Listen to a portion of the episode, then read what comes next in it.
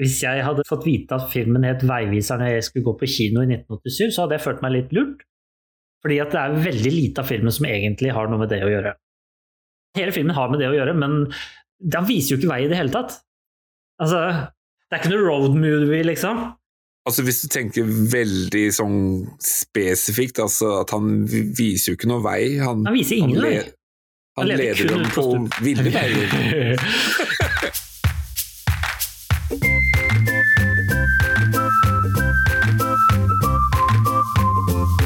Hjertelig velkommen til Norsk film er, podkasten hvor vi snakker om norsk film. Vi velger ut én film og snakker og nerder om. Dette er episode 23, og mitt navn det er Lars Kristian. Og ved siden av, mer eller mindre, sitter jeg, Robert. Ja, vi skal snakke om en film i dag også. Det skal vi gjøre. En film du har valgt, eh, Lars. Det er helt riktig. Ja, eh. Det er um, Ja, Ja, skal du si navnet, eller skal jeg? ja, vi skal snakke om en film eh, laget av Nils Gaup, eh, som jeg tror må være din yndlingsregissør, for dette er vel gang nummer tre at vi skal snakke om Nils Gaup-film. Ja, skal vi se, det var uh, Hodet over vannet, og så Håkon Håkon Håkonsen. Og så er det vel så- denne her. Og det er jeg som har valgt alle tre. Ja. Ja. Hvis det er et problem at jeg har valgt to Bent Hamer-filmer Jeg begynner å ane sånn en viss mønster av hvilken favorittregissør vi, vi begge har. Men, um, men um, om, om, om Nils Gaup er min favorittregissør, det vet jeg ikke, men jeg, jeg syns det er noe fascinerende over han, og det han har fått til da, i norsk film. Ja. Om det ikke var tydelig, så er det da Veiviseren fra 1987 som vi skal snakke om i dag.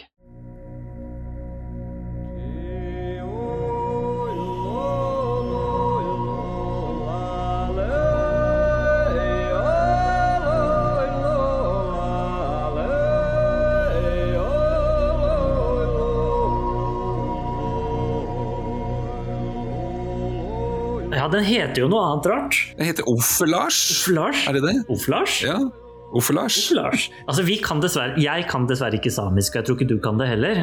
Uh, Nei. og så vidt jeg vet, så snakker de nordsamisk i denne filmen. Så det Ja. gjør jo at den er litt an vanskeligere å forstå da, enn kanskje de andre, andre. Så du må ha teksta den på godt språk, som du kan. Og denne her har vært tekstet i veldig mange språk. Ja, den er jo veldig populær i utlandet, i hvert fall fikk eh, oppmerksomhet, så den, eh, Ja. den er blitt oppdaget. ja, så vidt jeg vet, så er dette den første norske filmen som har blitt distribuert i både USA og England. Oi, Ja. Men er dette egentlig en norsk film, eh, Lars? det regnes jo som den første samiske filmen som også dessuten har en dialog på samisk. Ja, den første samiskspråklige spillefilmen, så vidt jeg har skjønt. Den er jo norsk. Den er jo norsk fordi Finnmark er jo en del av Norge, så det, den er i hvert fall spilt Den er jo spilt inn i, spilt inn i Finnmark, Finnmark, men James Bond er spilt inn i Norge. Er ikke norsk likevel. og Star Wars er jo spilt inn Ja. i Norge. Kanskje vi skal ta en episode om Star Wars?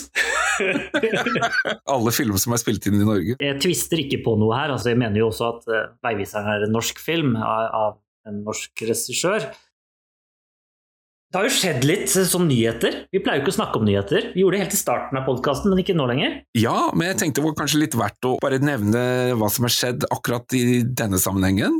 Ja, det er jo en film som heter 'Nattrikken', som har blitt nominert til eh, beste kortfilm på Academy Awards nå for 2023, da, eller altså for året 2022. Det er jo ganske stort, da. Det er ganske gjevt. Vi har jo hatt en vinner der tidligere. Toril Kove, Ja, var det den her med hun eh, som lånte stemmen? med Liv Ullmann Eh. som pratet. Stemmer, ja. Ja, den het 'Den danske dikteren'. Og, Ja. og, så at du, her har vi tradisjon. Skal vi tørre å håpe på en seier til? Det er, 'Nattrikken' er, virker som en kul film. Ja, jeg leste jo en artikkel om, om at uh, norsk kortfilm er jo veldig i vinden om dagen. Da. Det tyder jo veldig bra da, for uh, norsk kortfilm fremover. Kanskje for eh, norsk film generelt. Ja, alt som kan sette fokus på norsk film er positivt. Det er jo derfor vi holder på med denne podkasten. Å sette litt fokus på norsk film. Ja, men vi krysser fingrene. Vi krysser fingrene. Lars, du har jo valgt Veiviseren.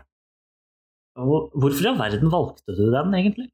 Dette er jo en film som jeg har sett deler av, eller i hvert fall scener av når jeg var liten, og så har jeg alltid gått og tenkt ja, men den må jeg ha fått sett, for det er en stor norsk film. Jeg husker at den, det var litt spennende, de scenene jeg så.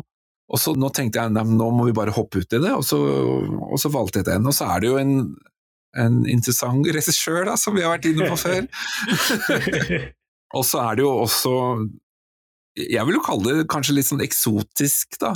Eh, for oss her nede i sør. Altså det, det at det handler om eh, samisk kultur og, og sånn, det syns jeg er litt interessant, da. Ja, jeg er på ingen måte noe ekspert innenfor eh, samisk kultur eller, eller, eller, religion som de måtte ha, eller egentlig historien heller, rent bortsett fra det åpenbare om at vi ikke har hatt det så lett i Norge sånn i senere tid. Men eh, dette her er jo en film som egentlig tar oss veldig langt tilbake i tid. Ja. Det er vel 1200-tallet, eller noe sånt?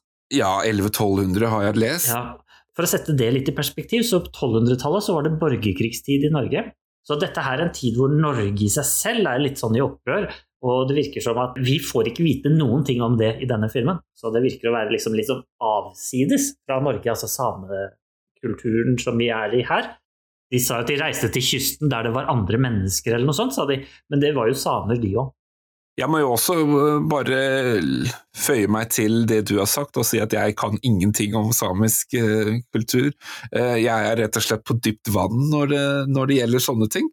Så det kan jo bli litt interessant da, hvordan vi ser scenene, og hvordan vi tolker scenene. Så det, ja, vi får bare hoppe ut i det, og så håper vi at vi ikke er altfor langt unna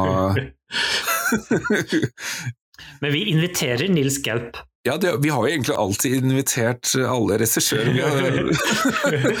men, men altså, vi, vi, inviterer han til å snakke om litt om denne filmen, og kanskje om hvorfor det er så viktig for han å få fram dette med samisk kultur. da. Vi kan jo også invitere sønnen hans, han spiller jo i, i hovedrollen. Ja, det kan vi gjøre. Altså, det er jo litt morsomt når du... Han er hjertelig velkommen. Ja, Mikkel Gaup. Det er litt morsomt når vi ser på rulleteksten. Der er det jo fryktelig mange gaup, og det er veldig mange het, hetta. Og utsi. Ja, så jeg vil tippe at det er noe familierelasjoner her. ja, venner og kjente. Ja. Men du har sett den her før, regner jeg med, Robert? Ja, jeg har sett denne filmen én gang før i sin helhet. Det gjorde jeg på ungdomsskolen, og da syntes jeg at den var ganske kjedelig. Fordi jeg skjønte, ikke hva, det, jeg skjønte jo ikke hva de sa, vet du. De snakket jo samisk, så da klarte jeg ikke å bli engasjert. Og kanskje ikke teksta? Nei. jeg, jeg, så den på VHS. så uh, det var liksom ikke Man fikk liksom Det, var, det mangla en del i VHS-formatet, rett og slett. Ja. Så jeg vil tippe det var VHS, i hvert fall. Jeg mener det var det. Ja. Jeg, jeg, har jo ikke sett denne eh, filmen før, men jeg husker jo spesielt én scene som jeg har sett som har vist på TV eller et eller annet, og det er jo den her hvor han gjemmer seg inne i teltet. Oh, ja. Og så åpner jo den her eh, døra, eller den luka, ja. og så skyter den jo med pilene ikke sant, inn i um, fienden, eller åssen var det det var? Ja, riktig, han skyter inn i fienden, ja. ja, ja han, han, han, står på innsiden. Ja, stemmer. Så, så, så, akkurat den eh, var liksom ganske spennende. Det skjer jo ting fra du er 13 år omtrent og synes at nødvendigvis ikke samisk film er det kuleste i verden, eh, til, til at man er godt voksen og egentlig har studert masse, masse kulturer og alt mulig rart og finner mye interessant. Da.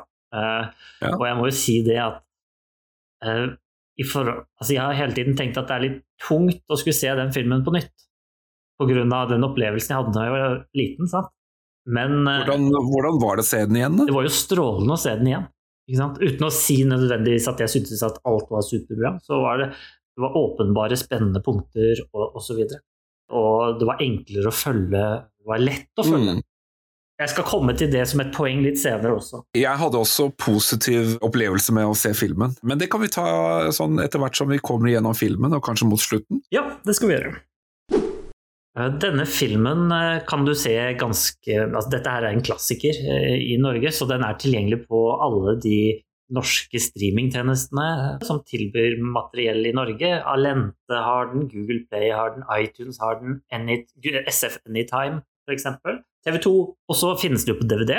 Jeg vet ikke, Lars, hva var det du så på? Var det DVD, eller? Jeg så den på DVD. Ja. Men jeg kan også nevne at den finnes på, på Telia Play, og nevnte du TV2 Play og YouTube, kan du faktisk vinne den også? Ja.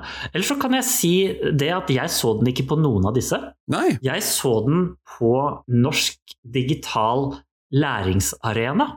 Som er da en skoleside som man ikke krever å- noe innlogging eller noe.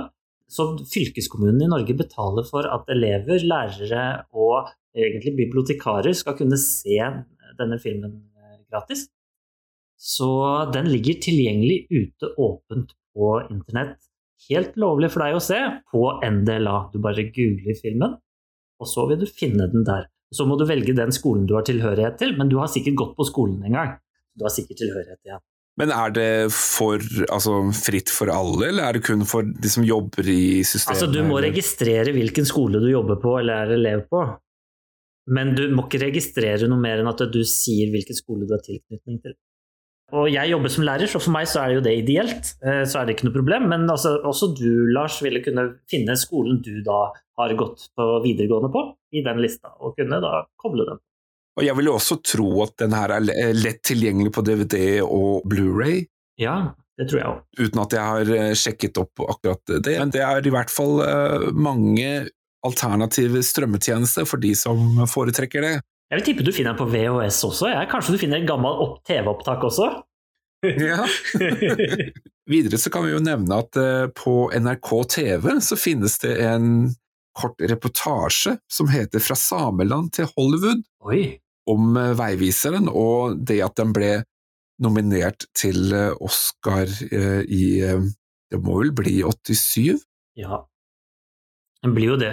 Den blir det for uh, utdelingen i 88, som handler om 87 filmer. Ja, nettopp. Er dette en dokumentar laget i 87 eller 88, eller er det nyere sak? Den er nok laget fra den tiden, ja. Er det Pål Bang-Hansen? Det er nok uh, han, ja. Uten at jeg, altså, jeg oppdaget den akkurat rett før eh, vi skulle i opptak her, ja. så, uh, så jeg har ikke fått sett den. Ikke jeg heller. Det er verdt å få med seg. Men Lars, det var jo ikke bare Veiviseren som kom fra Norge i 1987. Nei. Det må ha vært noen flere filmer. Det var det. Er det noen vi har hørt om? Ja, eh, altså Hvis man ser på prisutdelingene, så var det ikke en sånn voldsomt mye som jeg uh, syns var kjent. På Amanda, så på beste norske film, så var det Kan du gjette det? Veiviseren. Ja, Det er et lurespørsmål. Oi. Veiviseren vant året etterpå, Å, ja. men siden, eh, siden vi på en måte snakker om eh, året 1987, så følger jeg da Amanda-utgivelsen i 87. Så for beste norske film, så er det filmen X, eh, som jeg ikke har hørt om. den har jeg hørt om. Oh, ja, Ja, ja, ja. Om jeg ikke husker helt feil. det er ikke Eggs, altså det er X. Eggs kommer senere, det er jeg klar over. Det er Oddvar Einarsson som har regissert. Ja, det er helt riktig.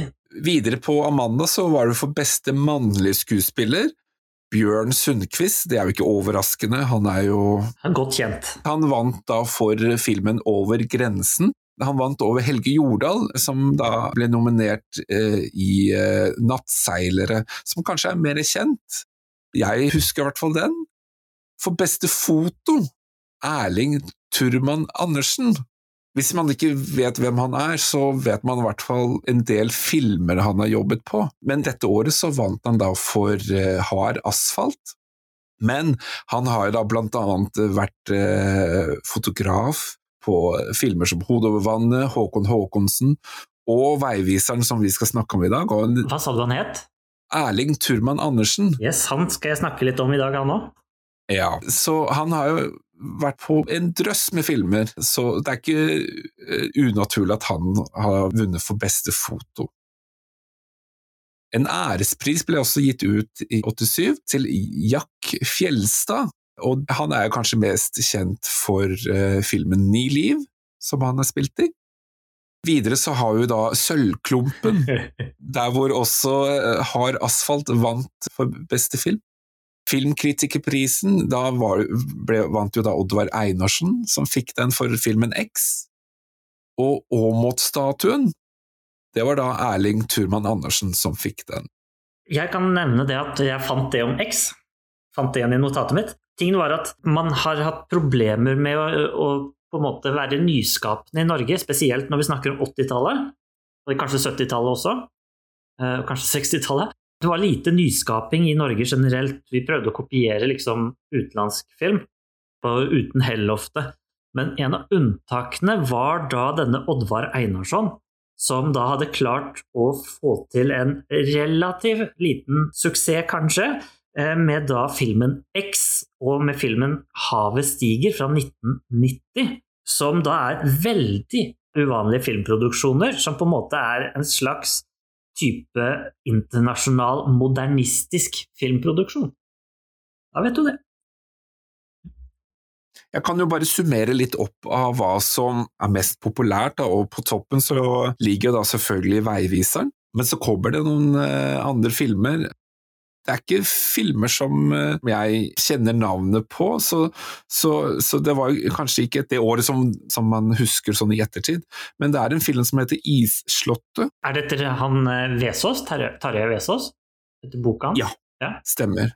Det er kanskje en dokumentar, jeg vet ikke? Eller er det en, det er spillefilm? Altså, boka i seg selv er jo en uh, fiksjon slag. Akkurat. Og så er det også en film som jeg i hvert fall har hørt navnet på, Hotell St. Pauli. Ja. Men det, det, var ikke veldig mange filmer som kom ut uh, dette året, som er registrert i hvert fall på filmfront.no. Hva var det som rørte seg i utlandet, Robert? Jo, den mest sette filmen i Norge var for så vidt utenlandsk. Den var fra USA og het Crocodile Dundee. Oh. 660 000 skal visstnok ha vært innom der. James Bond i skuddlinjen er nummer to, og Veiviseren er nummer tre med sine 300 000. Selv om jeg strengt tatt har et tall som sier 700 000 var innom og så Veiviseren på kino i Norge. Som er dobbelt så mye som det tallet, og mer enn det, så det hørtes litt rart Det kan jo være en trykkfeil et eller annet sted, hvem vet. Men det var litt forskjellige filmer som var ute og bevegde seg i denne perioden. Men som du også sa, kanskje ikke 1987 er det sterkeste filmåret, sånn generelt. Mm. Vinneren av beste film på da Oscar-utdelingen som da foregikk året etterpå for 1987-filmer, ble vunnet av en italiensk laget film, eller i hvert fall italiensk regissør. Den heter The Last Emperor. Har du hørt om den før? The Last Emperor, er det den om den kinesiske ja, riktig. keiseren? Ja. ja. den siste keiseren? Ja. ja. Jo, den har jeg sett. Ja, nettopp. Mange år siden. Mange år siden, ja. Nettopp, nettopp. Eh, jeg må ærlig innrømme at den har ikke jeg sett. Men altså, den filmen ble beste film, og regissøren ble beste regissør. Men Michael Douglas ble beste skuespiller for filmen Wall Street, hvor han spiller Gordon Gekko. Ellers så skal da Cher ha fått sin Oscar med sin rolle i Moonstruck. Og det var egentlig det, men vi pleier å se litt på beste utenlandskspråklige film også. Den som vant der, det var en dansk film. Babettes gjestebud. Å ja, den har jeg hørt om. Ja, av Gabriel Axel. Gabriel Axel? Jeg vet ikke. Gabriel Axel? Ja, nettopp. Det er nettopp, nettopp. Og han banket da ut fransk film og spansk film, og også da Nils Gaup og Veiviseren, da, som var nominert til den samme kategorien. Og det er jo for så vidt litt trist, i og for seg. Men der du var litt grann, eh, slack og bare sjekka halve året for Amanda-utdelingen, så sjekket jeg begge utdelingene når det kommer til Cannes-festivalen. Altså begge som omhandler filmer laget i 1987, enten de er laget på våren eller høsten. Og da kan jeg si at den som vant beste film for eh, inn, som da ble utdelt i 1988, var en film som het Pelle the Conqueror, eller Pelle Erobreren, som ble da laget av en kar som heter Bille August. En svensk film, dette her, da. Ikke sett den heller. Nei, ikke heller. Og så i 1987, da, for filmer som laget da 87-86, da fikk Palm de Or Det var da en film med det klingende navnet Under the Sun of Satan. Eh, laget av en kar som heter Maurice Pia, Pialat. Pialat? Noe sånt? Det er en fransk film, da. Piala, kanskje. Spennende tittel, da. det må du si. Men jeg skulle trekke fram én til fra denne utdelingen der. Og det er personen som ble kåret som beste regissør. Og det er en tysk filmskaper som heter Wim Wenders. Han har laget en film som heter Der Himmel über Berlin, eller Wings of Desire på engelsk.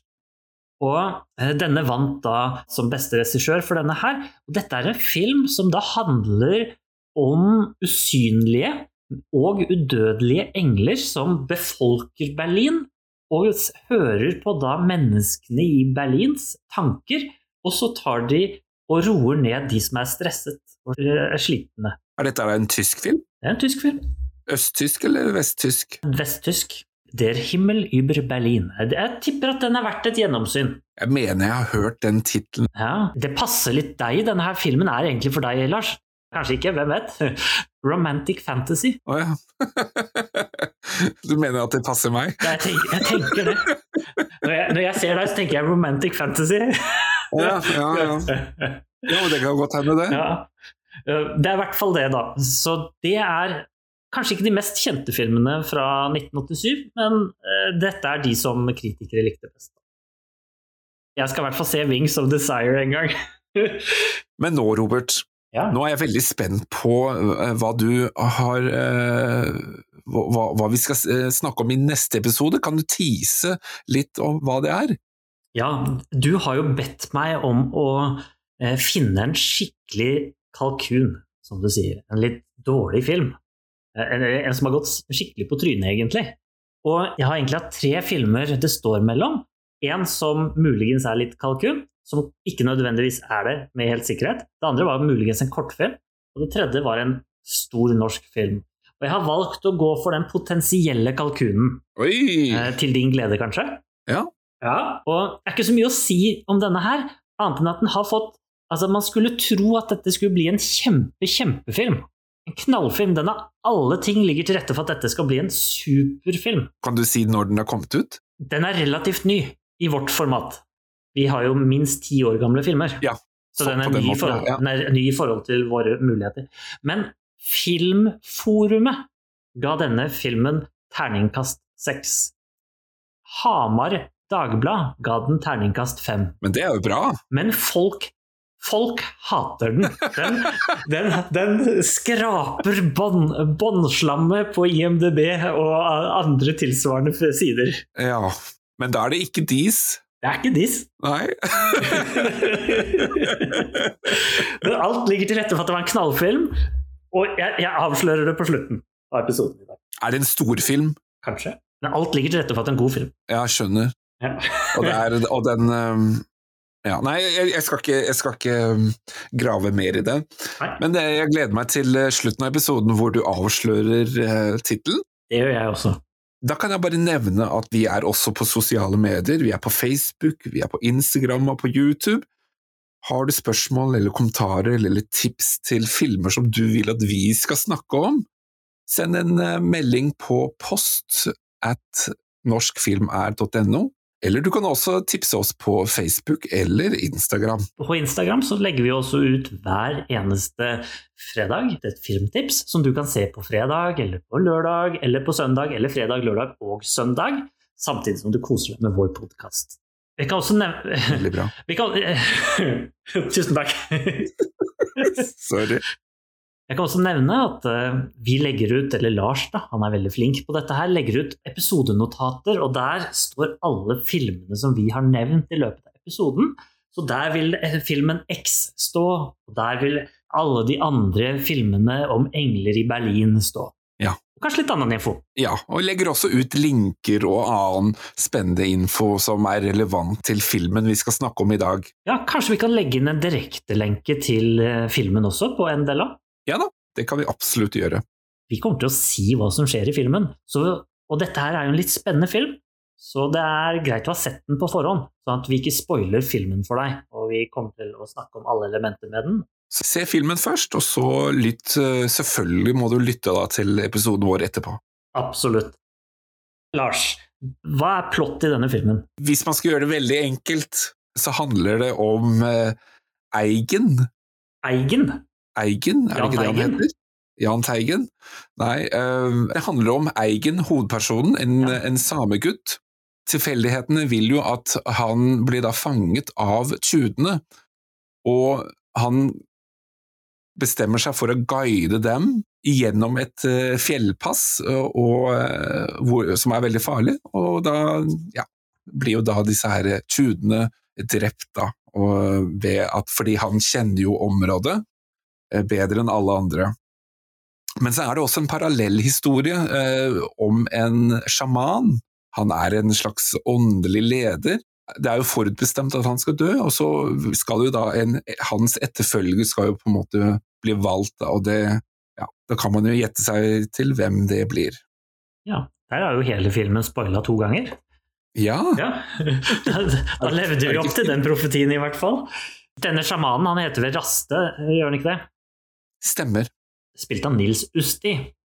Utsi. Utsi. Utsi. Nils, Nils Utsi. Ja. Det er ikke han som sitter i fengsel, det? Det vet jeg ikke. Sitter igjen i fengsel. Det er, ut, Utsi, det var jo sånn torpedo, var det ikke det? Å oh, ja. Kanskje det. Kanskje det er han? Jeg tror ikke det. Han så ikke sånn ut, for å si det sånn. Sven Erik Utsi tenkte jeg på. Oh, ja. ja, ja, ja. Men før vi eh, går i gang med første scene, Robert. Eh, kanskje vi bare skal gå igjen kjapt på hvem og hvordan filmen er laget? Den er jo laget av Nils Gaup. Dette her er vel Nils Gaups første spillefilm som han eh, har skrevet og regissert, tror jeg. Jeg tror det. Jeg er ganske sikker på det. Ja, produsenten er jo da John M. Jacobsen. Han nevnte jo så vidt i forrige episode ja. For da fikk jo han en sånn æres-Amanda i 2003. Ja. Men la du merke til uh, hvem som har laget musikken til filmen? Marius Müller. Ja. ja. Vet du hvem det er? Ja, ja, ja. ja. Den du veit. Den du veit. Og Carmen. Carmen, Carmen. Carmen. Kan du drømme? Du kan drømme. Så det var litt overraskende å se navnet hans dukke opp, faktisk. For det, det var ikke sånn uh, Jeg tror ikke det er han som har laget all uh, joiken. Nei, det er nok han Nils Aslak ja. Valke på. Ja, det tror jeg også. Kjetil Bjerkestrand. Kjetil Bjerkestrand er jo ganske kjent navn også. Eh, jeg har litt mer som jeg tenkte på. Når vi først er inne på Nils Gaup og han Jon Jacobsen. Ja. Jon Jacobsen. Fordi Nils Gaup han hvis vi setter oss i produsenters sko i 1987 eller 1986, eller når liksom man begynner å prate om denne filmen, så er det jo da en litt ikke superkjent skuespiller som enda ikke har laget noen filmer, som sier at han har lyst til å lage en film om samer i Norge på 80-tallet en film som på en måte aldri har vært laget noen gang til det norske publikummet. Hvis du sitter der som produsent, det er ikke sånn at du tenker oh, dette høres ut som en suksessoppskrift. Så selv om Nils Gaup hadde fått produksjonsstøtte fra Norsk Film AS for å lage manus, altså han hadde fått manusstøtte, så var det ikke sånn at det var så lett for han å få finansiert eh, selve filmen. Fordi hvem vil egentlig satse pengene sine på, på et litt sånn uprøvd konsept? Det er ikke liksom Pirates of the Caribbean nummer tre. Sant? Altså Man vet at de to andre har, har tjent masse penger, da kan vi gå inn med neste. Dette er helt nytt. Og alt sammen løste seg pga. da denne fyren som du snakket om, filmfotografen Erling Turman Andersen, hadde da kontakt med Jon M. Jacobsen, og jeg skal sitere litt fra den samtalen som foregikk. I slutten av mars 1986 befant jeg meg i et provosorisk filmstudio i Keisers gate i Oslo, nærmere bestemt et tomt loft, der vi spilte inn noen scener til min første spillefilm Hard asfalt. I en pause satt jeg sammen med filmfotograf Erling Turman Andersen og produsent John M. Jacobsen. Har du lyst til å lage en film til? spurte Erling, og Jon nikket, litt uforstående. Da må du love meg at du leser manus allerede i kveld, sa Erling. Jon nikket igjen. Samme kveld leste han manuskriptet, neste dag dro han rett til Norsk Film AS på Jar og kjøpte ut rettighetene. Resten er historie. Så det er hvordan Nils Gaup fikk en produsent og støtte for filmen uten å være til stede. Så det her kan vi takke Hard asfalt. Filmen Hard asfalt, har du hørt om den egentlig? Vi nevnte jo så vidt i stad eh, på prisutdelingene. Ja, nettopp. Den er egentlig fra 1986. Ja. Det er jo en film da, som eh, også ble ganske godt mottatt. Eh, fikk femmere og firere og sånn. Det var jo den Erling Turman Andersen vant beste foto for. Ja, ikke sant? Alt henger sammen. Ja, så det er jo litt morsomt. Så er det en annen ting. Denne filmen er jo stort sett filmet i Finnmark. De flesteparten er jo eh, amatører, hvis vi ser bort fra Nils Gaup. Nei, vent litt, hva heter han eh, som er hovedrollen? Eh, Mikkel. Mikkel Gaup, ja, sønnen. Han ble jo hentet fra teatret i Kautokeino, hvor han hadde begynt sin karriere som skuespiller. Og stort sett alle de andre var jo amatører, men alle sammen hadde det til felles at de var vokst opp i Finnmark, enten at de var samer, eller at de var vokst opp der, og at de var vant til kulda. Men hva tror du ikke var vant til kulda, Lars? Det vet jeg ikke. Fordi det var 40 minusgrader når de skulle gjøre innspillinger. Og det Ja, var, stemmer det. Og det var eh, tre, fire, bare tre-fire timer med dagslys hver dag. De som ikke var klar for den kulda, det var kamerautstyret. Så det de gjorde, det var at de leide en svær, diger fryser, og så putta de kamerautstyret inni fryseren for å liksom kjøle det ned og avklimatisere det, sånn at det ikke skulle bli for kaldt. Fra overgangen fra fryseren og, og til og der ute hvor de skulle gjøre scenene. og det er jo veldig morsomt. Det er utrolig, da. Ja, det er faktisk utrolig. Jeg, jeg mener jeg leste en historie en gang om en stuntmann Ja. eh, som skulle ankomme settet da, oppe i Finnmark. Og han hadde vært med på en James Bond-film, visstnok. Men når han kommer ut av flyet der, og møter dette været, så snur han i døra og så drar tilbake igjen. Ja, jeg hørte rykter om det òg. Ja.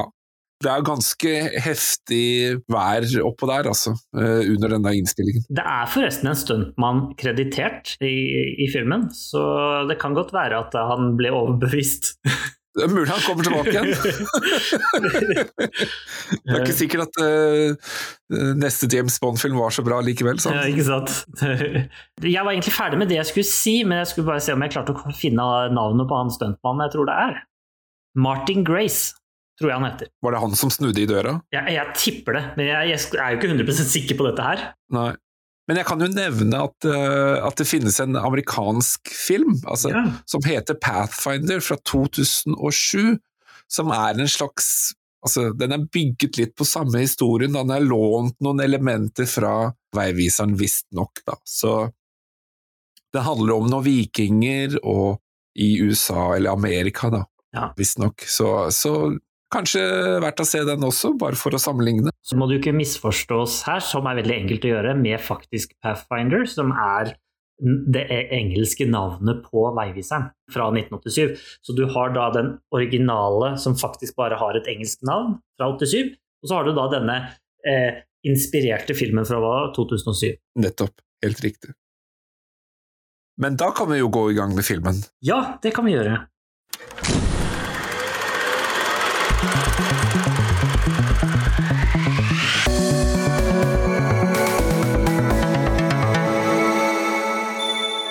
Det første vi ser i denne filmen, er jo fantastiske farger og natur. Ja, jeg er helt enig. Vi ser rosa lys og blått lys og måne og blå himmel samtidig. Altså, vi ser et prakteksemplar av en dag. Det kan være vinterdag, jeg vil tippe det er vinterdag. Det er klart som bare det. Men dette her må jeg bare skyte inn og si at uh, altså, gjennomgående i hele filmen er ganske eksepsjonelt filmet, vil jeg si. Altså, når det gjelder disse her scenene med, med viddene og, og, og lyset, syns jeg. Så, så kudos til eh, fotografen her, altså. Ja, ikke sant? Det og, se, og scenene. og dette her er, det, som du sier, gjennomgående. Når vi da ser disse bildene, så har vi en voiceover, i hvert fall i starten, Det er vel Raste som Ja. snakker. hvor han driver og forteller om denne oksereinen. Han sier at han har sett denne reinen tre ganger, når han har vært ung, voksen, og så en siste gang nå når han er gammel. Ja. Og jeg tenker jo dette her eh, kanskje er et, et bilde på tre livssykluser, kanskje, altså, eller tre, hva skal man si, faser i livet, da. Men hva den her reinen egentlig er et bilde på, det, har du tenkt noe på det? Ja, jeg har tenkt det. Jeg tror at reinen er veiviseren. Ja, jeg tror også det er at det er en viss uh, tilknytning der, da. Reinsdyr er jo Det er jo helt tydelig at reinsdyr er en viktig del av samisk kultur. Og også den bjørnen som vi, som vi skal uh, som dukker opp seinere, det er også et veldig sentral del i, i, samisk kultur. Det kommer vi jo til sikkert, men denne scenen hvor han begynner å snakke i voiceover og snakker om denne oksereinen, og så ser vi jo et, noe som er veldig spesielt for denne filmen, nærbildet av ansiktet til da denne Raste, som forteller det må jo være til da Mikkel Gaups karakter. Og dette er vel egentlig frempek på hva som kommer senere, er det ikke det? Dette er fra teltet? Ja, altså den blir i hvert fall gjentatt i teltet også, som midt ute i filmen. Et stykke ut der, ja. Så dukker jo uh, han Raste opp igjen og, og, har en samtale med, med Eigen. Ja, Eigen. Og jeg, jeg tolker det jo litt som at Litt sånn som jeg var inne på tidligere, det at han ser livet sitt som ung og voksen og har sett dette reinsdyret, og nå er han gammel og det er nesten som han tenker at nå skal jeg dø, og nå skal den her stafettpinnen gis videre, da. Kanskje filmen er en eh, det er det at han søker kanskje en person som skal ta over den der pinnen, da, og så, mm. så, så peker han kanskje ut uh, Eigen da, som en, en mulig uh, avløser, da. Ja dette som vi får høre at Raste prater her, det er egentlig ikke starten av filmen. Altså fordi at dette er en film som er en klassisk filmstruktur på. Altså dette er en amerikansk Hollywood-film, egentlig. Det betyr at du har et anslag i starten, så du, blir du eh, presentert med personene, eh, og du får konflikten, og det blir mer og mer, helt til du ikke kan gjøre noe annet enn å nå klimaks i filmen, og så avslutningen. Noen liker å kalle det for treaktstruktur og litt sånn også. Ja, klassisk gresk teater. Helt klassisk. Det er den som brukes spesielt i amerikansk film da, og som har blitt, gjorde at amerikansk film ble vinnende, og at Hollywood vant på en måte med plasseringen av filmene sine. Så denne delen her tilhører egentlig ikke den. Nei, det er jo på en måte en slags preludium, eller sånn ja. pre... Ja, et preludium, ja, nærmest. Det er, det er liksom en, en pre-anslag. Fordi anslaget er jo det som kommer etter presentasjonen av navnene som deltok i filmen, med noen runer og noe greier som flyter på skjermen. Sant? Da får vi igjen se et nærbilde, men da av føtter og bein i snø som beveger seg. Det er jo allerede det er litt spennende. Hvem er det vi ser? Ikke sant? Ja, og hva skal de, og hvor skal de? Ja, og hvem er det? Så det virker å være veldig typisk for Gaup, eller for da filmfotografen i denne filmen, å bruke nære bilder. Faren med å bruke veldig nære bilder er at du gjør det så mye at, eh, at de mister effekten sin. Mm. Men på dette tidspunktet i filmen så er det jo det første bildet, så det er ikke så farlig. Vi ser beinene deres, ikke sant? De kommer, de marsjerer gjennom snøen på en måte. Ikke sant? Det virker som at de skal et sted, altså de har en eller annen oppgave. De har et eller annet fore, det, det er ikke sånn at de, de er ikke på eventyr, de. De, de, skal, Nei, er, de, skal, gjøre de noe. De vandrer ikke tilfeldig sånn i Nei, landskapet. De, er, det er bevisst hvor de skal, og hva de skal. Og så skifter kameravinkelen, og man ser ikke lenger føttene deres. Men hva er det vi ser da, Lars? Husker du det? Vi ser en fugl. Ja, stemmer det. Vi ser en ravn. Jeg, jeg har lest at det er en ravn. Jeg, ikke, jeg, kan ikke se at det er det selv, men jeg vil tro at det er det. da. Og denne ravnen den skal visstnok da fly over når det er fare på ferde. Og det gjør den i filmen tre ganger. Så hver gang vi ser ravnen, så skjønner vi det er noe gærent. Og når du sier liksom det der med tre ganger, altså da tenker jeg litt på sånn her eh, eventyr, ikke sant. Fordi mm. der er det jo gjerne sånn derre eh, symboltall og sånn som tre ganger og fem ganger eller syv ganger. Det er jo ikke umulig at dette, altså sånne ting kunne vært en del av den samiske kulturen, altså tre ganger eller ja. Kan hende at også dette er noe som Nils Kaup har blanda inn. Ja, selvfølgelig. Uansett, da, så denne ravnen dukker i hvert fall opp som et sånn varslingssystem. Så når vi ser den ravnen, så vet vi hva de folkene skal. De er ikke hyggelige folk. Det er det som er meningen med denne ravnen. Og er den, I denne scenen her så er det også fokus på, på en sånn uh, bue. Jeg vet ikke om du la merke til den spesielle buden hvor det er sånn tenner på. Og det er jo også sånn, Jeg tenker også at det assosieres med et eller annet noe barbarisk eller en ung mm. person. Altså, man får disse her attributtene, ikke sant, hvor man ut ifra det kan få en viss aning om hvem, hvem disse personene er. Altså, man, man tenker at det kanskje ikke er noe hyggelig med dem. Ja, vi får jo også Rett før vi får buen, så får vi det nære bildet av øynene til han som har helt åpenbart hat i øynene, eller i hvert fall et eller annet som han er veldig fokus. Og de er helt sånn svartkledde, ikke sant. Altså, det, er ikke noe, det er ikke noe lystig kostyme, dette her. Ikke sant? Dette her er veldig klassisk. da. Samene er kledd i hvitt. De inntrengerne, disse tjudene, er det det? Fra, Tjudene. Ja. ja, som antageligvis er da russere, tror jeg? Eller finner, Ja, altså- russere, noe sånt? Det er litt interessant akkurat det der, fordi dette her eh, sagnet, eller myten som denne her historien er bygd på, Ja. Det verserer flere versjoner. Altså, noen versjoner så er det svenskene som faktisk invaderer eh, samer, eller Norge, da. Jeg tror sagnet egentlig var russere, Mm. men så har man gjort det litt om til et- et annet folkeslag for at det ikke skulle være for tydelig da, hvem de egentlig er. For filmen så valgte de da disse sjudene, som også egentlig er sånn østfra, da. Sånn historisk sett så er det jo sånn at man har endret på sagn etter hvem som har vært fienden. Nettopp. Ja. Og det er noe som man gjør fremdeles. Har du hatt sånn der ugress i hagen som ble kalt for tyskerkål? Under krigen het det tyskerkål, men på 1800-tallet eller på 1600-tallet så het det svenskekål. Ja, ikke sant. Og så før det var det kanskje danskekål. ikke sant? Det er egentlig skvaldrekål, da, som det egentlig heter. Ja, Men det da, det har fått navn etter fienden, da, fordi det er jo ugress. ikke sant? ja, nettopp. Ja, det er litt interessant det der. Men eh, vi skjønner jo at disse er ikke up to no good, altså, når vi ser dem. Og det er jo et skikkelig stygg scene, hele det anslaget i denne filmen. Fordi, Ja. fordi at først så skyter de jo denne bikkja med pil. ja, er det før vi egentlig ser familien? Ja, det første vi Eller, eller klippes det litt sånn fram og tilbake? Nei, den første som blir tatt livet av er bikkjen. Bikkja, fordi det er jo en slags vakthund. Jeg vet ikke hvor mange hunder samene hadde på 1200-tallet, for å være helt ærlig. Nei, det, det er jo ikke umulig, da. Det er ikke umulig, men kanskje Ja. Men uh, altså, det er, altså de hadde ikke border collie, i hvert fall. Men Etter at den eh, hunden ble skutt, da, så det, møter vi da en jente ja, som roper etter hunden. som roper etter eh, hunden sin. da, Man skjønner jo at det er jo den hunden som de er skutt, selvfølgelig. Ja. Og, man skjønner jo også at ja, her er det et eller annet som ikke stemmer. Da. Altså, her er det noe som er eh, noe fare på ferde, eller mm. ja.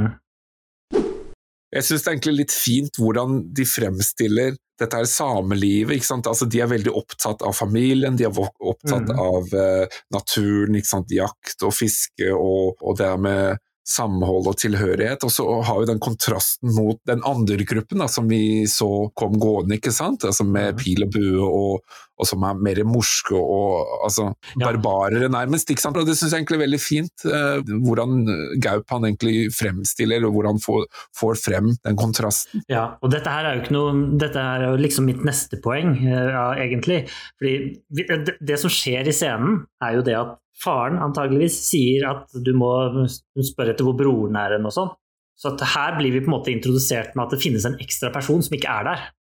Ja, som er eigen, ikke sant. Ikke sant? Som er hovedkarakteren i filmen da, og veiviseren til slutt. Eh, Men Det som er litt interessant her, det er jo at eh, jenta varsler jo faktisk eh, foreldrene, ikke sant. Ja, men det er et eller annet som ikke stemmer her. Altså, hunden pleier jo alltid å komme når jeg roper, og den kommer jo ikke. Nei. Nå er det noe som, som kommer, men foreldrene vil jo ikke høre. Men det, har- jeg vil tippe at den bikkja har vært ute og løpt litt tidligere, ikke sant? Og vært borte en time eller to, og så har den kommet tilbake. Ja.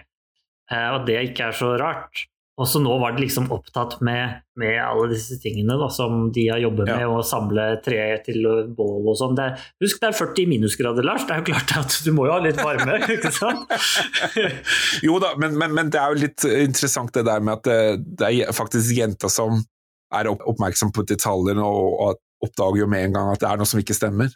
Ja, det er klart. Men eh, altså, om det ikke var tydelig for oss at disse er svartkledde og liksom er de øynene deres forteller at de er ute etter er dårlige mennesker Og når vi senere ser det, så ser vi at samene har jo pil og bue, de òg. Ja da, de er jo, de er jo et jaktfolk. ikke sant? Og Mens pil og buene deres, hvordan ser de ut? De er helt sånn plaine.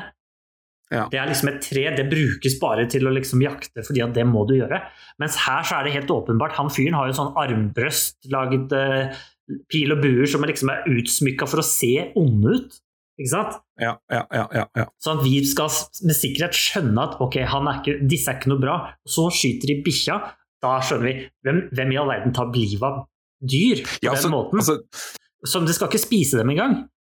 Nei, ikke sant, og, og, og det er jo det som er forskjellen, ikke sant. Altså, de, de gjør det jo liksom for moro eller, eller for å rett og slett drepe eller utrydde, mens samene de gjør det for å jakte, for å, for å overleve, for å få mat, ikke sant. Så det er jo en forskjell på det der. Ja, og om vi ikke liksom hadde fått dette inn tydelig nok med teskje, at dette er et ondt type, onde type mennesker, så sikter de åpenbart på jenta skyter jenta rett ned mens hun står og stirrer dem i øynene. Det er en, vi ser ikke at det er det som skjer, men vi ser at det har skjedd. Det er ganske, det er ganske drøyt, Det er altså. ganske brutal scene, det, altså. Og, så, og da klipper de jo til en scene som kunne vært tatt ut av Fjols til fjells, med da denne hovedpersonen som står på Ja. ski ned fra fjellet. um, stemmer det. Han ser jo Jo, men vent litt, det er, det er jo et, en, en, Før det, før vi kommer til Eigen, Ja? For de dukker jo også opp der hvor familien er, og, og dreper jo dem. Vi har sett han stå på ski på fjellet først, for å vite okay. hvem denne personen er, at han er på vei hjem eller noe sånt. Ja, ok, så det klipper litt sånn fram og tilbake Ja, det er litt der. der, ja. Men det som jeg tenkte jeg skulle gjøre poenget poeng ut av, det var jo at kameraet panorerer sånn litt rundt i området der, altså der hvor familien bor. Og så plutselig så, så filmer de da mot et skogholt, og så ser vi jo disse herre skjutene står helt sånn stille, kaldt, og det er helt sånn uhyggelig. Ja, riktig. Det er før de skyter jenta. Ja, ja, ikke sant? Men akkurat det der bildespråket, altså det, at, det er ikke sånn at de kommer løpende og skriker og hoi og, og skyter og plafrer ned, liksom, men, men de står liksom der helt sånn kaldt og stille, og, og det er helt sånn der eh, Mhm. iskaldt, altså. Det passer helt inn i filmen. Ja, men det, det er så fantastisk, det der bildespråket, så legg merke til den scenen, altså. Jeg, Altså, Anslaget her er veldig bra, og det er veldig sterkt. Ja. Husk, dette er laget i 1987. I 1987 så lagde vi filmer i Norge som uh, inneholdt stekespader. Dette her er noe helt annet. Dette her er eh, hva de ville gjort i stor amerikansk film, på en måte, og kanskje det er bedre enn det også.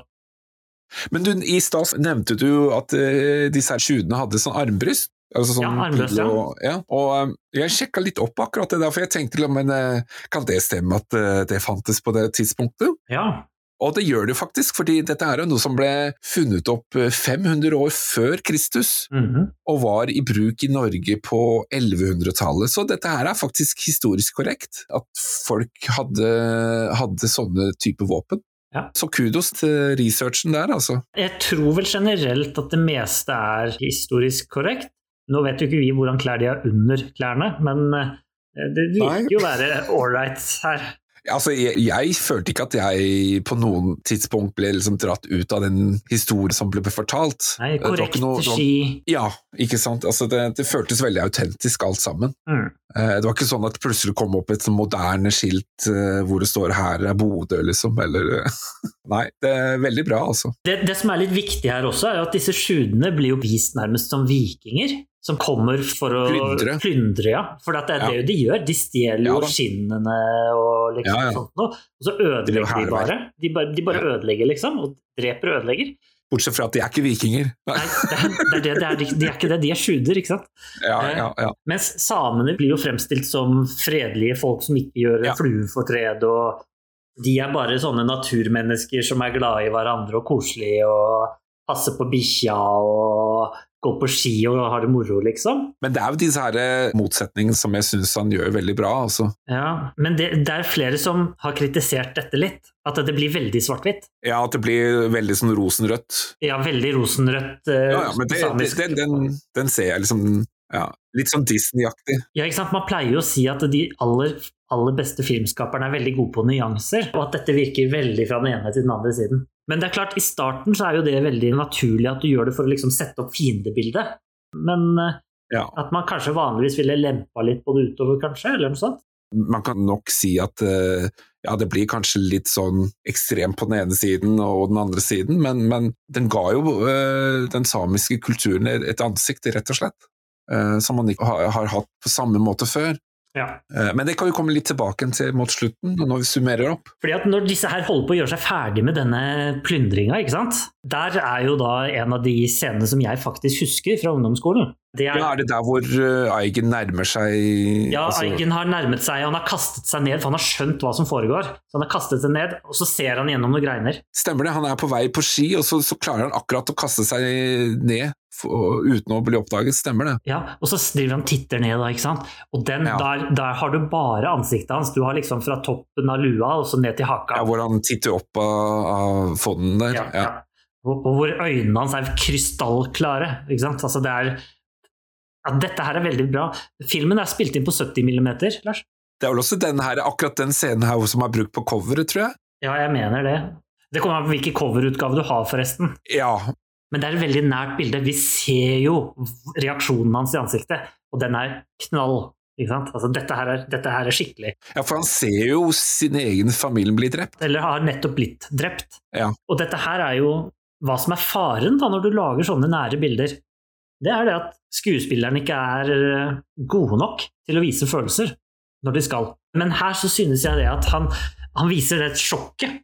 Ikke sant? Altså, det er jo litt sjokk som kommer sånn i starten. Og det zoomes inn helt inn mot øynene hans, da, som kommer i en scene. Ja, ikke sant? og det gjør jo også at, at, at scenen blir mye mer intens. altså Følelsen hans blir jo forsterket fordi man får det der eh, ultranære bildet. Ja, fordi at det går fra nært bilde på ansiktet, ikke sant? og så zoomer de fort inn på øynene etter hvert som han blir liksom, Du skjønner at han er sjokkert, du ser hele ansiktet bli sjokkert, og så ser du øynene da altså popper ut av skjermen. altså. Og da ser han liksom at søstera si blir dratt av gårde med pil i brystet og klar til å dumpes under isen. Han ser vel at den ene skien hans begynner å, å, å forsvinne foran Ja. seg. Og så prøver han å få tak i den, og så, og så forsvinner den egentlig ned mot sjuende. Og det er jo sånn de oppdager han. Eh, jo, det er riktig, men det der synes jeg er en dårlig scene. Syns du det? Ja, fordi Jeg syns egentlig den var bra, jeg. Fordi eh, Jeg skal forklare hva jeg mener. Jeg mener den er urealistisk. Okay. Ikke nødvendigvis så dårlig. Det er en god idé at skia kommer inn og treffer inn i skjudene, og skjudene å, hva skjer, og så skyter de han i armen. Det er for så vidt bra. Men hvorfor i all verden begynner denne skia å skli? For det første så kan ikke jeg huske å sett at den skia lå foran han i scenen foran. For det andre Jeg vet ikke hvordan han detter, om han detter bakover og den fortsetter Han litt fram, kaster seg jo ned. Så det kan jo være at den fortsetter å skli, men han har jo ikke bare én ski. Han har jo to ski, så hvorfor i all verden er ikke da begge skiene der, hvis det er i så fall så tilfellet? ja, Den andre sitter vel på foten, da. Og så er det jo sånn at han begynner jo å gråte når han skjønner hva som foregår, så han, han legger hodet ned. Og så når han kommer opp igjen, så begynner skia å skli. Og det ser jo han på, så han sitter jo og ser på at skia begynner å skli. Hvorfor i all verden tar ikke han bare hånda si opp, og så stopper han den? Isteden bruker han staven sin når den først har sklidd et stykke, og prøver å trekke den tilbake. Og så trekker han litt tilbake, tenker han 'yes, jeg klarte å stoppe den', og så begynner den å skli igjen, og så treffer den de folk med. Men er det ikke fordi at skien er så langt unna at han får vel ikke tak i den med armen? Altså, Poenget mitt er at han kunne hatt tak i den med armen. Kunne han det? Ok. Jeg tenkte at, den, at skien var så langt unna at han ikke rakk den. Ja, det er det som skjer til slutt, altså når den faktisk sklir ned. Fordi at han kaster seg ned fordi han er redd for å bli sett. Så, men jeg synes nå det var litt tåpelig, da. Men, og at han ikke brukte hånda si. Ja, ok. Så det er ikke resultatet av scenen du, du tenker er Nei, fordi at, at de begynner å jakte ham, det er jo Det tenker jeg er naturlig. For de har jo skutt resten av familien og resten av folkene, så det ville jo være dumt å etterlate én, liksom. Så det er, det er bare utførelsen av scenen som kunne vært eh, justert litt, Ja. tenker du? Ja. Men Eigen han har jo en fordel, for han er jo en jeger, og han kjenner jo området svært godt. Ja. Og det er jo det som redder han egentlig fra disse tjuvene, for de vil jeg jo kanskje gjette ikke er i dette området så ofte. Kanskje Mm. de ikke har vært der før i det hele tatt. Så, så sånn sett så syns jeg det er, det er naturlig nok at han klarer å slippe unna. I hvert fall en stund, da. Han blir skutt i armen på veien, Ja, det gjør som gjør at det ligger som, som, Ja, for skjudene treffer han med et, et skudd. Ja, ikke sant. Og så følger de jo blodsporene, ja. Ikke sant? Så at Ja. vi ser jo det at han, selv om han klarte å komme seg unna ved å hoppe ned en skrent der, noe som også for så vidt er litt sånn frempekk til senere Ja. Ja, når han da unnslipper disse skjudene, sånn som du nevnte, hva tror du er neste scene? Da er det jo tilbake til den gruppen. Da er det til den nye gruppen, sant? Det som foregår her nå, det er jo at vi kommer jo ikke egentlig rett inn i denne nye leiren som vi skal bli kjent med. Vi ser jo en ravn som flyr over himmelen. Ja, det var den der ravnen du nevnte i stad. Ja, dette er gang to vi ser ravnen. Det betyr også at vi er inne i del to av filmen. Ja, så, så, så vi ser kun den ravnen tre, akkurat eh, nøyaktig tre ganger. Yes, Samme scene, nesten. Og det samme med den reinsdyret, den ser vi også kanskje bare tre, ja, kanskje var- flere ganger. Jeg vet ikke, vi ser den helt på slutten i hvert fall. Eh, Ja. Men Ja, i hvert fall, i hvert fall det sagnet som han eh, Raste nevner, det er jo det at den, han ser den tre ganger, og det er jo liksom det symbolikken i det, da. Vi kommer til den gruppen der, og da snakker de om noe de kaller for darflot. Darfot. ja, Darfot. Vet du hva det er? ja, det må jo være den bjørnen. Stemmer det.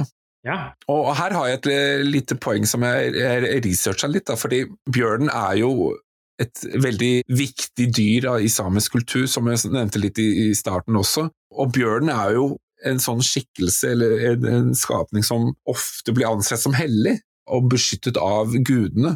Så hvis de samene, hvis samene skal jakte på, på bjørnen, så må de på en måte gjøre et offer til bjørnen for at denne beskyttelsen forsvinner. For ellers så vil jo da jegeren bli drept, uh, fordi bjørnen er jo veldig stor og sterk. ikke sant? Så, Ja. så det, det er liksom noe av den der religionen eller kulturen deres, at de er veldig knytta til disse her, eh, til naturen og, og, og dyrene. og hvis man må gjøre det, så må man på en måte ha gjennom et ritual og sånn, så, så det er jo litt interessant. Men ja, de snakker jo om den darfoten, og de, det er vel litt sånn at de, de tør vel ikke å nevne navnene heller.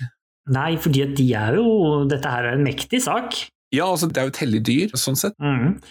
Det er han Raste som skal jakte på den, er det det? Nei, det er egentlig ikke Raste. Dette her er også et poeng. Fordi at det er egentlig denne jegeren Siege som skal drepe den. Raste skulle liksom være en, Han skulle liksom spille noe greier og skulle eh, få denne bjørnen da ut av dette hiet.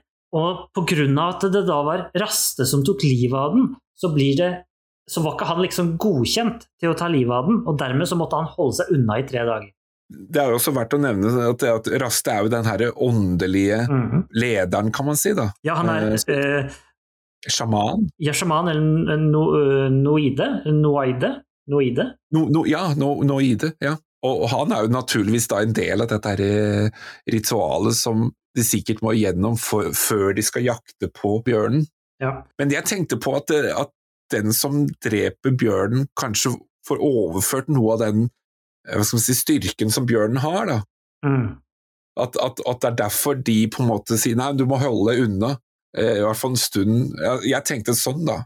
Ja, altså det er noe med at du får overført styrken til bjørnen, ja. Ja, ja det, det, det blir sagt også i filmen. ja ikke sant? Ja. Jeg tror det var av at han ikke da hadde liksom gått gjennom ritualet, og dermed så måtte han også holde seg da unna i tillegg. For at det var feil person som tok livet av bjørnen. Men før de drar ut og gjør dette her, så møter man jo klovnen. Ja, på ski?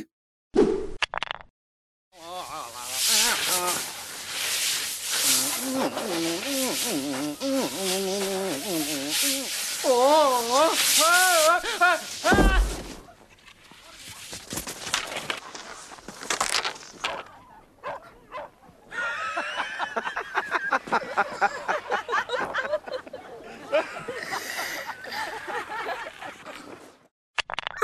er jo klovn to ganger, i hvert fall.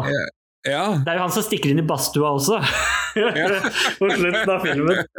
ja for han står på ski, og så, og så klarer han ikke helt å stoppe. Han kjører midt på et tre, så skia Ja. fyker ned på hver sin side. Og, ja, ja. og alle sammen ler og sånn. Og dette her er et poeng også som gjøres da Nils Gaup, at samene de er vanlige mennesker som ler av morsomme, vanlige ting. Så Akkurat som vi lo av det nå, så gjør samene det også. Altså, det er noe som vi kan alle sammen synes det var morsomt. Dermed så kan vi føle tilhørighet med disse samene i denne filmen. Og dermed så virker det mer ekte. Spesielt nå som de skal snakke om at de skal ta livet av en bjørn og sånn snart. Altså, da er det viktig at vi har fått denne følelsen av at vi er egentlig samene. Altså, Vi er en del av dem. Og det er faktisk interessant at du nevner, fordi dette her med, med tilhørighet og, og vi som seer, vi føler en viss tilhørighet til samene, men ikke til sjudene. Og hvis du legger merke til hele filmen, så snakker de jo samisk. Vi skjønner jo ikke hva de sier, men den er jo teksta. Så vi skjønner jo hva samene sier, men når sjudene snakker, Mhm. så er det ikke teksta. Det er riktig. Så, så, vi, så vi føler jo, som seere, så føler vi jo en ekstra fremmedhet overfor judene, fordi vi, vi vet jo ikke hva de snakker om, vi vet ikke hvem de er. Og, men det er litt interessant det der med, med, med språket også er med på å skape en tilhørighet da, og, og, avstand, da, når vi ikke forstår og kontra det å forstå hva de sier. Jeg kan ha tatt feil med antallet ganger ravner, faktisk. Eh, men ravnen dukker opp hver gang det er en fare på ferde, så når de skal ta livet av bjørnen, da er det også en ravn rett før som flyr. Ja, det, det, høres jo naturlig ut at det er en sånn varslings... Ikke sant, det er gjentagende. Ja. Mm. Men uh, en ting som foregår i leiren her, er jo da at grunnen til at de skal ta livet av denne bjørnen, husker du hva det var? Ja, Det fikk jeg ikke helt med meg. Hva er greia der? Det er fordi at de hadde, de hadde satt ut dyrefeller som dyr skulle gå i, og så, når de skulle gå på tur, så hadde det vist seg at denne bjørnen hadde vært der allerede og spist opp dyrene i fellene. Oh ja, Så det er egentlig for å beskytte fangsten deres, da? Ja, pluss at du får en hel bjørn med skinn og mat og, ja, ja, ja. og fett, ikke minst. Det var jo også veldig viktig. Du nevnte dette med eh, språket til tjudene. Ja. Vi hører jo ikke hva de sier. Eller vi hører hva de sier, men vi skjønner ikke hva de sier. Nettopp. Det ville jo være litt interessant å vite hvilket språk det egentlig var. Kanskje det er russisk? De snakker en slags type russisk, gammelrussisk ja. eller noe sånt? Ja, ja, ja, ja, Hva er det de egentlig prater, eller er det bare noe sånn gibberish som Gaup har funnet på? ja. Men vi forstår en av dem, og det er tolken deres. Og da snakker han samisk. Og han forstår vi hele tiden. Uansett om vi ikke forstår dem sånn ordrett, så forstår vi jo på en måte altså aggresjonen deres, ikke sant, altså måten de sier ting på, ikke nødvendigvis hva de sier, men måten de artikulerer på, seg på, hvordan de er, hvordan de snakker seg imellom og sånt. Så det, det, er jo en helt annen måte å snakke på enn det samene gjør. Mm. Så vi skjønner jo at de er mer aggressive personer, da. Ja. Det er en veldig smart ting som Nils, eh, Nils Gaup har gjort her.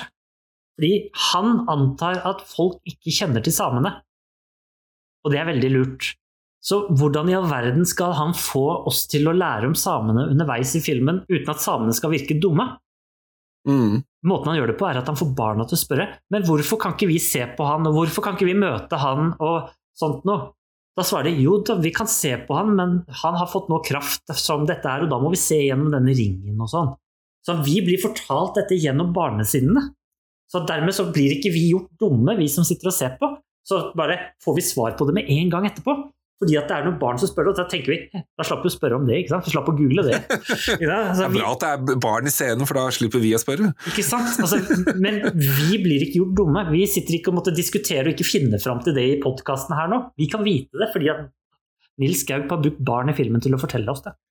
Og det er egentlig et bra poeng, fordi det er jo mange filmer som bruker det der eh, at nå skal karakteren fortelle hva som skjer, eller konteksten av hva de gjør og sånn, som ofte kan virke litt som platt og malplassert. Men her gjør du ikke det, fordi barna vil jo kanskje stå der og lure på hvorfor man gjør det. ikke sant? De er jo barn, det er jo ikke sikkert de har sett dette her før. Det er ikke sikkert de har tatt livet av en bjørn før. Nei, ikke sant? Så, så, for dem så er det jo naturlig å stå der og spørre om dette her. Mm -hmm. Så det er et bra poeng, altså. Ja, og han gjør det flere ganger gjennom filmen. Jeg syns det er en veldig bra måte å fortelle på. Jeg... Mm, helt enig. Men dette er eh, bjørneritualet da, inn i teltet. Ja. Er det når Eigen kommer? Ja, ikke sant, for det her sitter jo de rundt bålet og det er vel Raste som driver og slår på den der trommen? Raste er ikke der. Er den ikke det? Raste er jo vekk. Og han må holde, han, Nei, stemmer han må holde Ja, jo da, Raste er vekk. Eller er det Nei, nå, nå har jeg sannelig glemt det der. Jeg mener det var sånn at uh, nå er Raste borte i tre dager. At det henger sammen med det ritualet. Så jeg tror det er han andre som egentlig skulle tatt livet av bjørnen, som er der. Ja, det kan godt hende. Siege eller noe. Ja. Siergo Nei, ja. Husker ikke. Altså, det, men, men det, altså, det staves ja. S-I-E-R-G-E. Sierge. Sierge. Høres ikke veldig stavt Fransk Sierge. Siergo. Sierge. Det er spansk. Men disse trommene er jo litt interessante, for det er jo også en viktig del av den samiske kulturen. Mm de har jo gjerne to funksjoner. Altså det, det, er jo et redskap for spådom, eller egentlig sånn rådgivning. Da. Altså det å ta viktige avgjørelser, så bruker man denne trommen, og den er jo gjerne utformet uh, med sånn symboler og sånn. Mm. Symboler og runer tror jeg var begge deler. Det er litt sånn kontrovers på akkurat det der, fordi man kaller det for en runebomme. Mm. Men i dag så, så, mener man at det, det, blir litt feil å kalle det for runebomme, fordi runer blir ofte knytta til trolldom, altså i den duren, da. Men, runer brukte jo vikingene til å skrive med òg. Ja ja, men samene brukte ikke runer. Det å kalle for en runebomme eller en runetromme blir jo litt feil. De mener jo ikke sjøl at de driver med trolldom og, og, og, sånne ting, og det har de jo ofte blitt anklaget for, da, og behandlet deretter. For dem har det en annen funksjon, da. At uh, det er ikke noe magisk uh, sånn, uh, sånn som man mener at runer har, da. Som man kaller for en samisk tromme. Men Rastan er jo relativt magisk av seg? Jo da, sånn sett kan man jo kanskje si det, altså, men for oss andre som ser det utenfra, så vil det kanskje bli oppfattet som mystisk og magisk. Jeg tror ikke selv de så det slik, for dem var det naturlig. Trommen har jo også en annen funksjon, og det er jo det å skape eller å være i en transe da, under ritualer. Jeg tenkte litt på om Raste da, også, og dette reinsdyret, for det er jo en viss forbindelse mellom de to. Begge er jo veivisere på et vis. Mm. Raste var jo veiviseren, tror jeg. For oss er det jo ganske enkelt å tenke at filmen heter Veiviseren fordi Mikkel Gaups karakter viser disse tjudene veien ut i problemet. Ja. Men han er Men den har en dobbeltbetydning? Riktig, for det er allerede en rolle som er veiviser. Ja. Som ikke nødvendigvis han har enda, men som han får. Spoiler, spoiler. Plutselig så dukker jo han Eigen opp. Ja, han kollapser jo på, på plassen akkurat i inngangspartiet. Han ser endelig folk, og da kollapser han. Og alle sammen snur seg fra ritualet. Og det som jeg tenker på, det er jo at de vet jo ikke nødvendigvis hvem han er personlig, men de vet at han ikke er en fiende. Ja, for de ser han er samisk, de ser at han har lyse klær, vet du. Nettopp. Um, de har sett filmen, og... de òg. Ja. og de er jo litt redd for at uh, kanskje de som jakter på han at de skal dukke opp hos de også. Ja, og det er jo spesielt han ene høvdingtypen som er ekstra, eller jakteren som er ekstra eh, skeptisk. Ja, nettopp. Han forteller i hvert fall hva som har skjedd. Han klarer og... å viske ut sånn 'tjudene er etter meg', eller 'har drept ja. familien min', eller noe sånt. Og da er det at han blir tatt inn i teltet, og der møter han jo Raste. Ja, så Da må han jo være der, da. Jo, men jeg tror, de, jeg tror de har henta han ned spesifikt av Altså at Rasta har kommet inn der, og han sier ikke 'slipp inn noen', og sånn, og så sitter det en jente der ved siden av, og hun ser på Raste gjennom denne ringen. Save, ja. Og Save er jo denne skjønnheten, ikke sant? Men jeg lurer på om det kanskje har gått litt tid der, da? For vi snakka om det der med at eh, Raste måtte være borte noen dager. Ja, men jeg tror ikke det har gått så veldig lang tid. Altså, det har jo gått noe tid. Jeg tenkte de, de to-tre dagene. Ja, det kan godt være at det har gått den, den tiden. Jeg ser for meg at dette Det første er at de, jeg tror de har henta han inn med en gang, jeg også. Ja. Jeg tror det. Og så tror, jeg, det, så tror jeg at Raste er der. Og så er de andre, de går ikke inn. Alle kan se Raste, fordi at de må bare se gjennom ringen, sant. Men han lokker jo og sier 'ikke noen flere inn her nå', ikke sant. Og da ligger han jo fremdeles i alle de klærne som han kom i. Og så skjønner han at, ja. så kler han av ham på overkroppen og opererer bort av denne pila. Han fjerner bort pila. Og når han våkner da, så ser han jo sin livs store kjærlighet. Ja, hun Save. Det oppstår litt sånn søt musikk mellom de. Ja, jeg vil jo si det. Altså, det er jo noe som vi aldri egentlig får avslørt, bortsett fra at hun har et veldig eh, lurt smil på slutten av filmen. Det er jo i utgangspunktet ikke nødvendigvis noen kjærlighetsfilm, men altså, det er jo et underliggende kjærlighetselement her. Det er, mm. det er jo ingen god Hollywood-film som ikke har et kjærlighetsbudskap. Så denne har jo det, denne òg. jeg mener den originale sangen Da tror jeg ikke det er noe sånn derre kjærlighetsscene, eller Nei, men blir han skutt i armen i sangene? Han blir skadet, kanskje? Jeg har ikke lest det, men jeg tror sangen er mer på det der med at han er veiviser for disse her tjuvene og sånn. Ja og at, at, han leder dem liksom ut, i, ut for dette stupet. Da. Ja. Men altså, dette her er jo en film. Den er jo, filma, den er jo, filmatisk lagt opp for at det skal være så spennende. Og, så, og her er det jo en dødtid, for her ligger han jo og skal bli frisk. sant? Da kan legge litt kjærlighet inn i den. Jeg syns ikke det gjør filmen noe dårligere, for det skaper jo bare en motivasjon for det han gjør seinere. Altså motivasjon for å overleve fordi han har en connection med Save. Ja, men, men, så nå er jo poenget mitt litt dette som du kommer til også. fordi at han ligger jo der, og vi kan se at han kan gråte og alt mulig rart, ikke sant? Mm. Eh, fordi han snakker om inn i teltet om hvor, eh, hvor eh, til disse andre lederne da, om hva, at han hadde blitt tatt og greier. Nå har han fått klær på seg og liksom er klar. Ja, er det den scenen mellom Save og han som, som kommer nå? Er det den du tenkte på? Romantikkscenen? Ja, hva tenker du? Er Nei, det er en scene i teltet hvor hun kommer inn, og så snakker jeg med han, og de, de snakker litt sammen sånn Altså, den, den scenen som jeg tenkte på først og fremst, eh, var jo at Have vasker han i ansiktet, og så sitter de og prater sammen etterpå. Eh, Ja, jeg, jeg tror det er samme scenen. ja, ja, det er samme scene, ja. Ja, Og så prater de sammen mens han ligger der fremdeles. Mm. Og så etter det så prater han med, med lederne av campen, da, han litt gamle mannen og, og sånn. Ja, for det er et eller annet med at de vil jo flykte til kysten, altså den gruppen. Og så Ja. er det jo med om han skal være med, eller at han skal bli igjen. Han vil jo sikkert være igjen, tror jeg. Det som er, er jo at han, når han snakker med de første gangen, så er han fremdeles litt usikker. Han virker fremdeles å være litt svak og sånn, for at eh, hvor lang tid som har gått her er usikkert. ikke sant? Altså, dette her er åpenbart over litt tid. Jeg tenker jo at eh, hvis han har blitt skutt og det såret skal hile, liksom, så, så, Ja. så må det kanskje gå litt grann tid. Men det kan ikke ha gått for lang tid heller, for da ville jo disse sjudene muligens funnet han. Ja, det, jeg tenker også det, at de er jo fortsatt i området, og de Mm. har jo kanskje en viss idé hvor, hvilken retning han har gått. Ja, De har nok brukt mye tid på å leite. Ja, og, han, og Aigen er jo superkjent i området, Ja. så Men, men det Eigen sier til de to gamle da, i denne leiren, ja. det er at han tror han har skjult sporene sine. ja. Og de andre svarer bare 'tror'. Ikke sant? Vi har jo barn og greier her. Hvorfor, du, hvorfor i all verden kan du ikke svare skikkelig på det? Og så tar han eldste og sier 'ja, men han var jo skutt, han var skada'. Det er klart det var gjorde riktig med å komme hit. sant? De er jo ikke helt trygge på hvem han er. Selv om han er en same og sikkert uh, en nabo Uh, Jeg vet ikke om man kaller det stamme, ja. Eh, I hvert fall nabogruppe, da. For de er jo redd for at han kan sladre.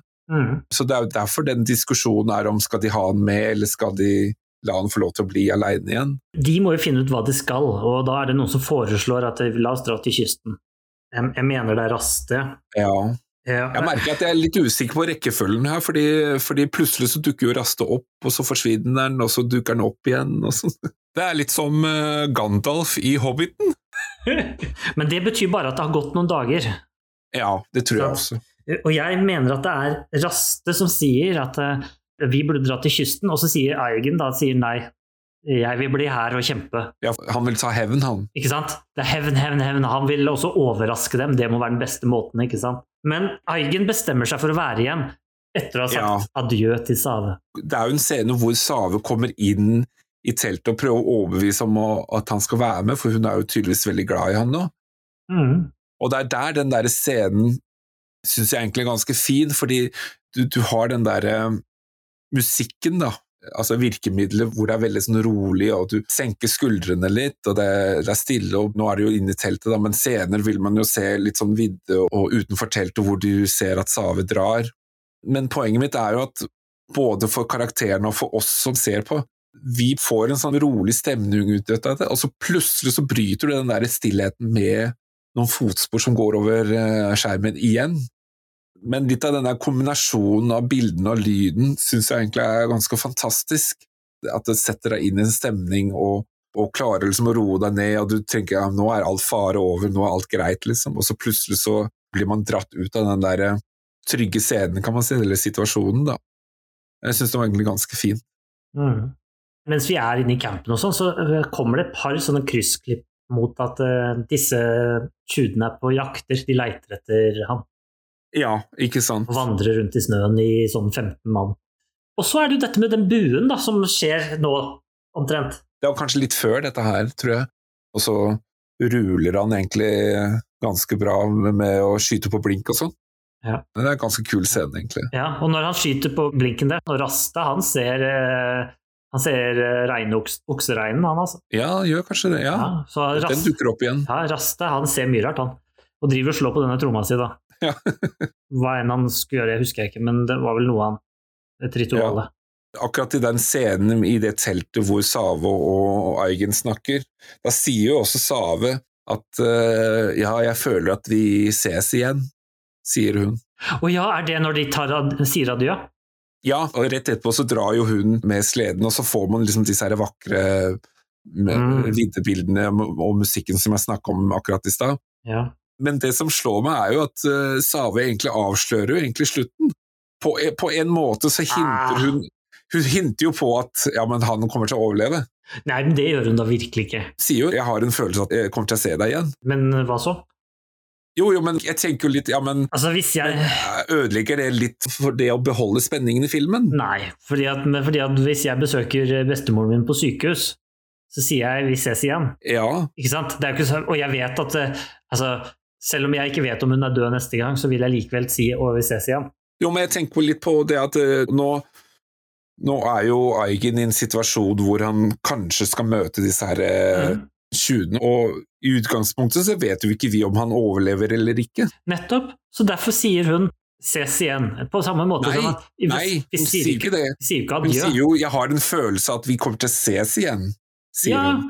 Fordi at hun er litt sånn hun er litt sånn godt Som en slags profeti, tenker jeg. Jeg ser på det mer som at hun har, har et godt øye for han og tenker at han ser jeg igjen. Ja, at hun har lyst til å se han igjen? Ja, ja, ja. ja, ja. Jeg tror dette her er kjærlighet, kjærlighetserklæring uh, uh, Hollywood-style. Samestyle. Nei, dette er henta fra Hollywood. Ja, jeg vet det. Jeg tror dette her er samestyle at det er et frempek på at ting skal gå bra. Det er kanskje ikke så innlysende akkurat der og da når du ser scenen, men når du har sett filmen ferdig og Aigen faktisk overlever, og tenker tilbake og så husker det hun sa, så tenker jeg at det er en sammenheng. Men jeg skjønner at du mener det når du har sett filmen, men jeg, jeg er ikke enig i at det er, det er tilfellet. Jeg tror det er en måte å snakke ja, ja kanskje. Ja. Dessuten så vet ikke vi nøyaktig hva den samiske ordene betyr. Nei, det kan godt hende at det er sånn det blir oversatt. Men jeg må bare si det, at begge disse to er veldig Altså scenene med disse to, hvor de ser veldig søte ut. Ja. Ikke sant? Altså, de, er, de er laget for at det skal være søt musikk. Ja, ja. Scenene er konstruert for å skape denne kjærlighetssituasjonen, sånn vi tenker og her er det mm. kjærlighet'. Selv om kanskje ikke nødvendigvis Eigen tenker det f.eks., eller Sade ser det helt lost ut, vær helt ærlig. Altså, jeg tenker jo dette her i Sånn som jeg nevnte i stad, altså det er jo en motivasjon for han. Mm. En ek ekstra motivasjon. Hadde ikke hun vært i historien, da, så er det ikke sikkert at han følte den der eh, ekstra trangen for å overleve. Mener du at Save er, er, viktig for historien? Nei, men det er viktig for han. Jeg, jeg mener at hun er helt overflødig. Mener du det? Ja. Hvorfor gjør han dette?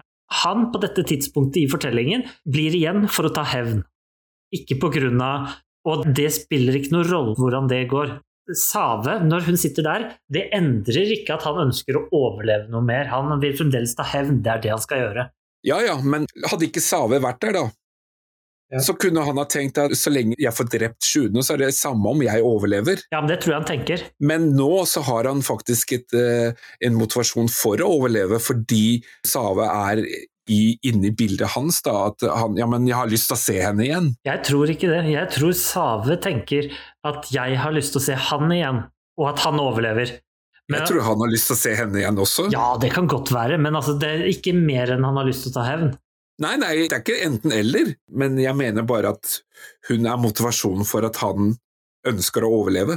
Ikke bare ta hevn, men, men også overleve. Men han har jo motivasjon til å overleve, ellers så ville han ikke Ellers så ville han ikke Hvor er motivasjonen for å overleve? Han vil, jo, han vil jo bare ta hevn. Ja, det er det. Han, han, har motivasjon for å overleve for å ta hevn. Ja, men altså, om han blir drept i I kampen så får ikke han tatt skikkelig hevn. Da vil, da vil altså, de vinne. La, la, oss si han leder disse, disse utover stupet, og han blir drept i det stupet, da, og, ja. men så vet han at de andre blir drept også. Ja, men Da er han fornøyd. Ja, det er han. Men nå så, så har han en ekstra motivasjon for å ta hevn, men samtidig overleve for å møte uh, Save. Ja, men jeg tror ikke han tenker det der og da. Det ser jo ikke sånn ut. Nei, men, men jeg tror han er på vei dit. Men Jeg tror det går motsatt vei. Jeg, jeg tror at dette her er liksom jenta som ser den staute gutten. Jo, men jeg tror at dette går begge veier. Det er ikke bare sånn enveiskjærlighet, dette her. Nei, men den, men den, tror jeg blomstrer når han kommer tilbake. Poenget mitt er at jeg tror alle disse tingene ville skjedd likevel. Jeg tror ikke han hadde sluppet steinen i stupet. Jeg tror likevel han ville holdt i steinen og klinget seg til livet for å gi beskjed til de andre at vet du hva, dere er trygge. Jeg ser det litt på en annen måte, da. Jeg skjønte det. Fordi, altså, det, det, er jo noe med det der når du står der og, og skal ta et valg og, om å drepe tjuvene, da. Mm. Så gjør du alt for å, å, drepe dem, og du tenker det er samme om jeg overlever, jeg vil bare at uh, de skal bli drept. Mm. Men her så vil han på en måte ha også overleve. Ja. Og det tror jeg er viktig for historien, for at han skal komme tilbake og bli veiviseren. Men han blir jo veiviser på grunn av Raste. Jo, men han ville jo ikke bli veiviseren hvis han ikke overlevde. Nei. Jo, men da, men da Ok, greit, nei. Eh, riktignok, det ville han ikke, men han ville jo vært veiviseren. Han ville vært en veiviser, men ikke veiviseren. Mm, riktig. Ja. Men han ville òg vært veiviseren for tjudene. ja, ja, for tjudene, ja, men ikke, for, ikke, ikke, ikke den uh, i åndelig forståelse, da. Altså, Nei, jeg skjønner. Men, uh, men interessant nok, da. Ja. Han er jo fortsatt i det teltet, Aiken. Ja, han er jo tilbake, for det, dette er jo stedene hvor de snakker sammen. Save er jo forsvunnet, og han er, sitter jo der aleine. Drømmer han der? Ja, det er en litt sånn kort scene hvor lillesøster altså, Lillesøster er jo død, men hun dukker jo opp i en sånn drømmescene. Okay, men da er det bare for å fortelle motivasjonen hans. Han ønsker hevn. Og nettopp det gir jo mening, fordi at han får den drømmen for å liksom minne oss på at det er hevn han skal ta.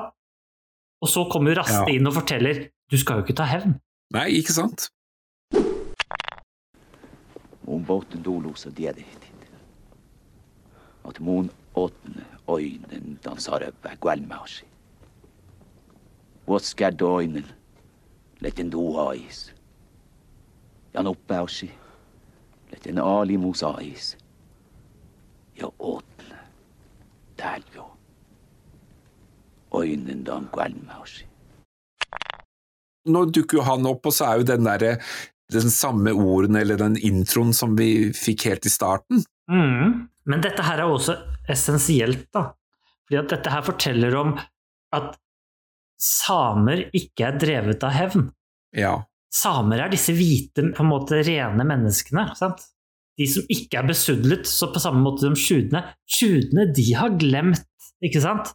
De har glemt hva det er å være et ekte menneske og ta vare på hverandre og sånn.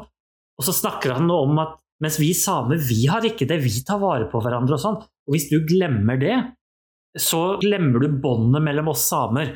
Så sier Save, ikke Save, sier eh, Eigen. Nei, ikke Eigen, men sier han eh, Raste. Raste. Raste sier at du kan ikke se lufta, men du trenger den likevel. Den er der selv om du ikke ser den. På samme måte som båndet mellom oss samer er der. Ja, vi er avhengige av hverandre. Vi er avhengige av hverandre. Og han er liksom moralen han i, i denne filmen, ikke sant? Men jeg har et poeng med denne scenen, fordi denne scenen minner meg veldig sterkt om en annen film, altså Star Wars. Okay. Som du helt sikkert har sett, ikke sant? Jeg har hørt om Star Wars. ja, Du har ikke sett dem? Jo, jo. Ja, de gamle, mener jeg? Ja, jeg har også sett de gamle. I um, episode fire, altså den som kom ut i 77, så er det jo en scene mellom Luke Skywalker og Obi-Wan Kenobi hvor Obi-Wan forklarer dette med den der kraften, ikke sant, altså the force. Og så sier han It's an energy field created by all living things. It's around us, penetrates us and binds the galaxy together. Så det er litt andre uttrykk, men den sier jo egentlig noe av det samme som Raste sier. At vi er avhengig av naturen, vi, er, vi har en tett bånd mellom naturen og oss imellom. Og du må ikke la hatet og sinnet ta over for å hevne deg på tjudene. Det er jo akkurat det samme de sier i Star Wars. For du har jo liksom Jedis, ikke sant? og så har du mm. det, det motsatte, altså sitt. Og de blir jo drevet av hat, og, og sinnet tar over. ikke sant? Det er det som, ja. som styrer dem, da. Men Jediene er jo liksom det motsatte. Det er noe annet som styrer dem. ikke sant? Det, det, det, var litt interessant, da. Mm. I forhold til hvordan eh, samene er knyttet til naturen også, på samme måte. Det er jo kanskje på tide å slippe katten litt ut av sekken når det kommer til denne filmen. Og det er jo at Jeg har sagt at dette er en Hollywood-film hele tiden. Ja. Og det er jo fordi at dette her er en klassisk western, egentlig. Ja. Fordi at Hva er det westernfilmer er? det er jo disse cowboyene, eller de nye hvite befolkningen, som er der mot indianerne. sant? Og da er indianerne er de farlige, de fæle osv. I praksis tjuvene, da, i dette tilfellet. De som kommer og invaderer, og, ikke sant? de kommer på hest, og de kommer fort og farlig, og de bare gjør gærenskap. ikke sant? I disse klassiske westernfilmene. Veiviseren er på en måte snudd dette 180 grader, sånn at de som er urbefolkningen, der nå er de de gode. Og så er det de andre som er farlige, ikke sant? Tjuvene. Mm. Og dette er jo sånn som man kan se i f.eks. John Ford sine filmer. F.eks. The Searchers er dette tilfellet, som ligner veldig på Veiviseren. Og også han eh, holdt på å si Sierra Leone. Oh, nei. Morricone? Nei, nei, nei, nei, nei. Han heter jo eh, Å, kjære vene, hva heter han for hvert? Sergio Leone. Sergio Leone. Det var nesten. Ja, det var ikke langt unna. Nei, jeg var nesten. Og disse filmene til disse to, da, de ligner veldig på denne filmen.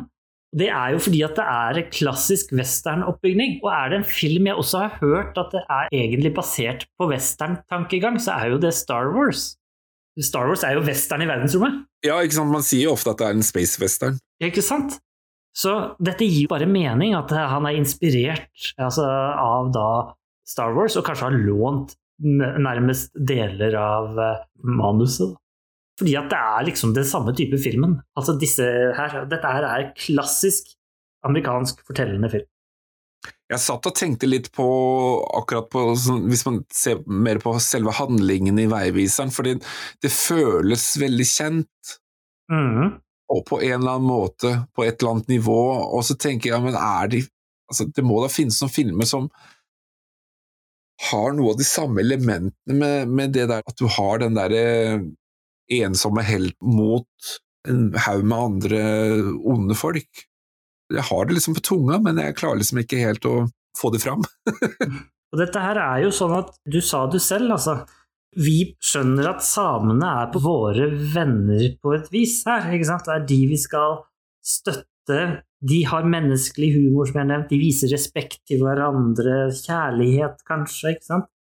Og vi har alle elementer. Vi har de farlige, vi har klovnen, vi har liksom de vanlige, de smarte, de lure, ikke sant? Det religiøse alibiet har vi der, ikke sant? Med han eh, Menneskeliggjør den gruppen, da. Mm, de blir veldig menneskeliggjort. Og så er det jo sånn at når vi ser denne filmen, det er ikke noe vanskelig for oss å skjønne at dette har vi sett før. Altså, vi vil tenke at dette er en film som vi har sett 100 ganger andre steder. Det gode mot det onde. Ideen er litt det samme, men det som gjør det mm. til å være spesifikt western, bare snudd motsatt, er at det liksom er urbefolkning og sånn, da. Litt som danse med ulver også, ikke sant? Absolutt, absolutt. En kar som heter Murray Smith, som er filmteoretiker, som da kom i 1995 med et begrep som heter engaging characters, som da er at du har noen tilpassede da, karakterer som er sentrale for å presentere den informasjonen som vi får, som vi får automatisk sympati med. Og de vi da er sammen med i denne filmen, er jo da de samiske innbyggerne. Og at vi da får tilgang på dem gjennom dialog og handlinger, og gjerne ved bruk av mange nærbilder, noe vi har da i denne filmen. Vi blir på en måte samenes allierte. Er, dette her er teori, filmteori, på en måte, mm. basert mm. på dette her. Og da brukte da denne personen bl.a. veiviseren som et eksempel dette western-ideologiet eh, som blir brukt med disse karakterene, det brukes også i andre filmer fra alle andre steder i verden, på en måte. Når de skal da lage dette e-, engaging characters. Og det er jo helt riktig, altså det er jo det han er. Eigen. Ja. Men jeg tenker jo også den her scenen med Raste og, og Eigen Dette her er jo også hva skal man si, der hvor Eigen blir pekt ut til å være veiviseren, altså etterfølgeren, tenker jeg. Det, det, er kanskje ikke der han blir pekt ut, men det er på en måte starten på den prosessen, tenker jeg. En av de tingene som jeg har en utfordring med denne filmen mm. Jeg synes at dette er en god og interessant og spennende film som er viktig å fortelle samenes side ofte, og gjøre samene til mer mennesker for oss. Så alle disse tingene er vel, vel og bra. Men den er på en måte den første filmen i Norge, eller den filmen i Norge som har klart å på en måte kopiert liksom den kommersielle formelen. Den prøver ikke å gjøre noe nytt. Den prøver ikke å være engasjerende på en, måte, på en kreat, spesielt kreativ måte. Den kopierer bare en vinnende, vinnende måte å fortelle film på, som vi vet fungerer. Den forteller spenning på en spennende måte. Den eneste filmen i Norge som på en måte hadde klart det da før, det var på en måte Orions belte i 1985. Og Orions belte er på en måte regnet som starten på denne liksom, At vi kan fortelle spennende film i Norge, vi også. Helt vanlig film, som alle kan synes er spennende.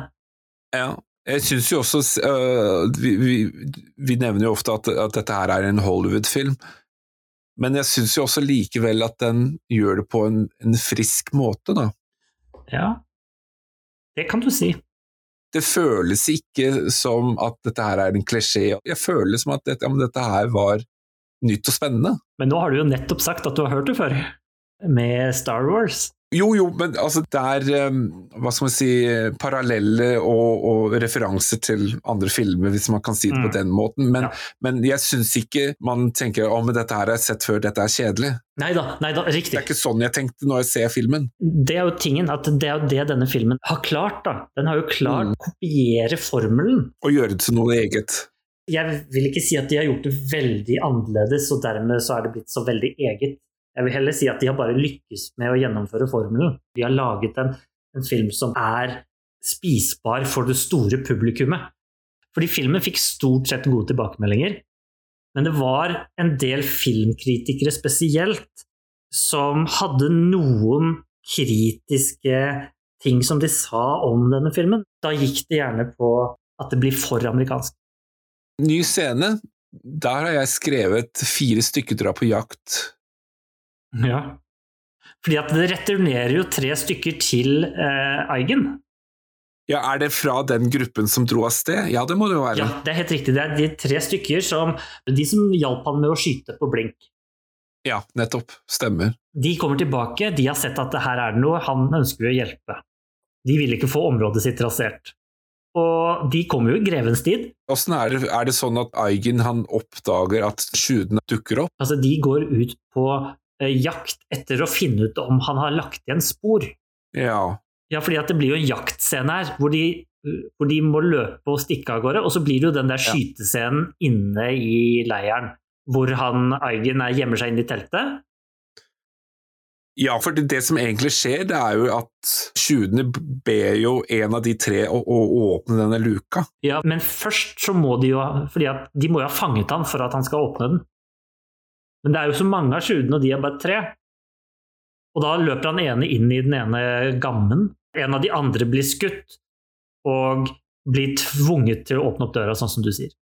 Og Da er det den der scenen som eh, jeg snakka om i stad, ikke sant? eller tidligere. Ja, du åpner opp døra, og så blir så han jo skutt, ikke sant? Ja, Dermed han skyter jo egentlig sine egne. Ja, men først så skyter han jo sjuden, og da skjønner sjuden at nå må de få en av samene til å åpne opp døra. Ja, stemmer det, han, de gjør det to ganger. Mm. Eigen blir jo fanga, holdt jeg på å si, eller oppdaga. Ja, så vidt jeg har skjønt. De tar jo livet av hverandre, ikke sant? Altså, alle de tre blir jo drept. Ja. Og så dukker jo Raste opp. Han sniker seg inn i teltet som Eigen sitter i. Fordi han har tydeligvis også ligget i lende et sted og ja. skjult seg litt. Han har sikkert også vært liksom og skulle prøve å være der og hjelpe de tre andre. da.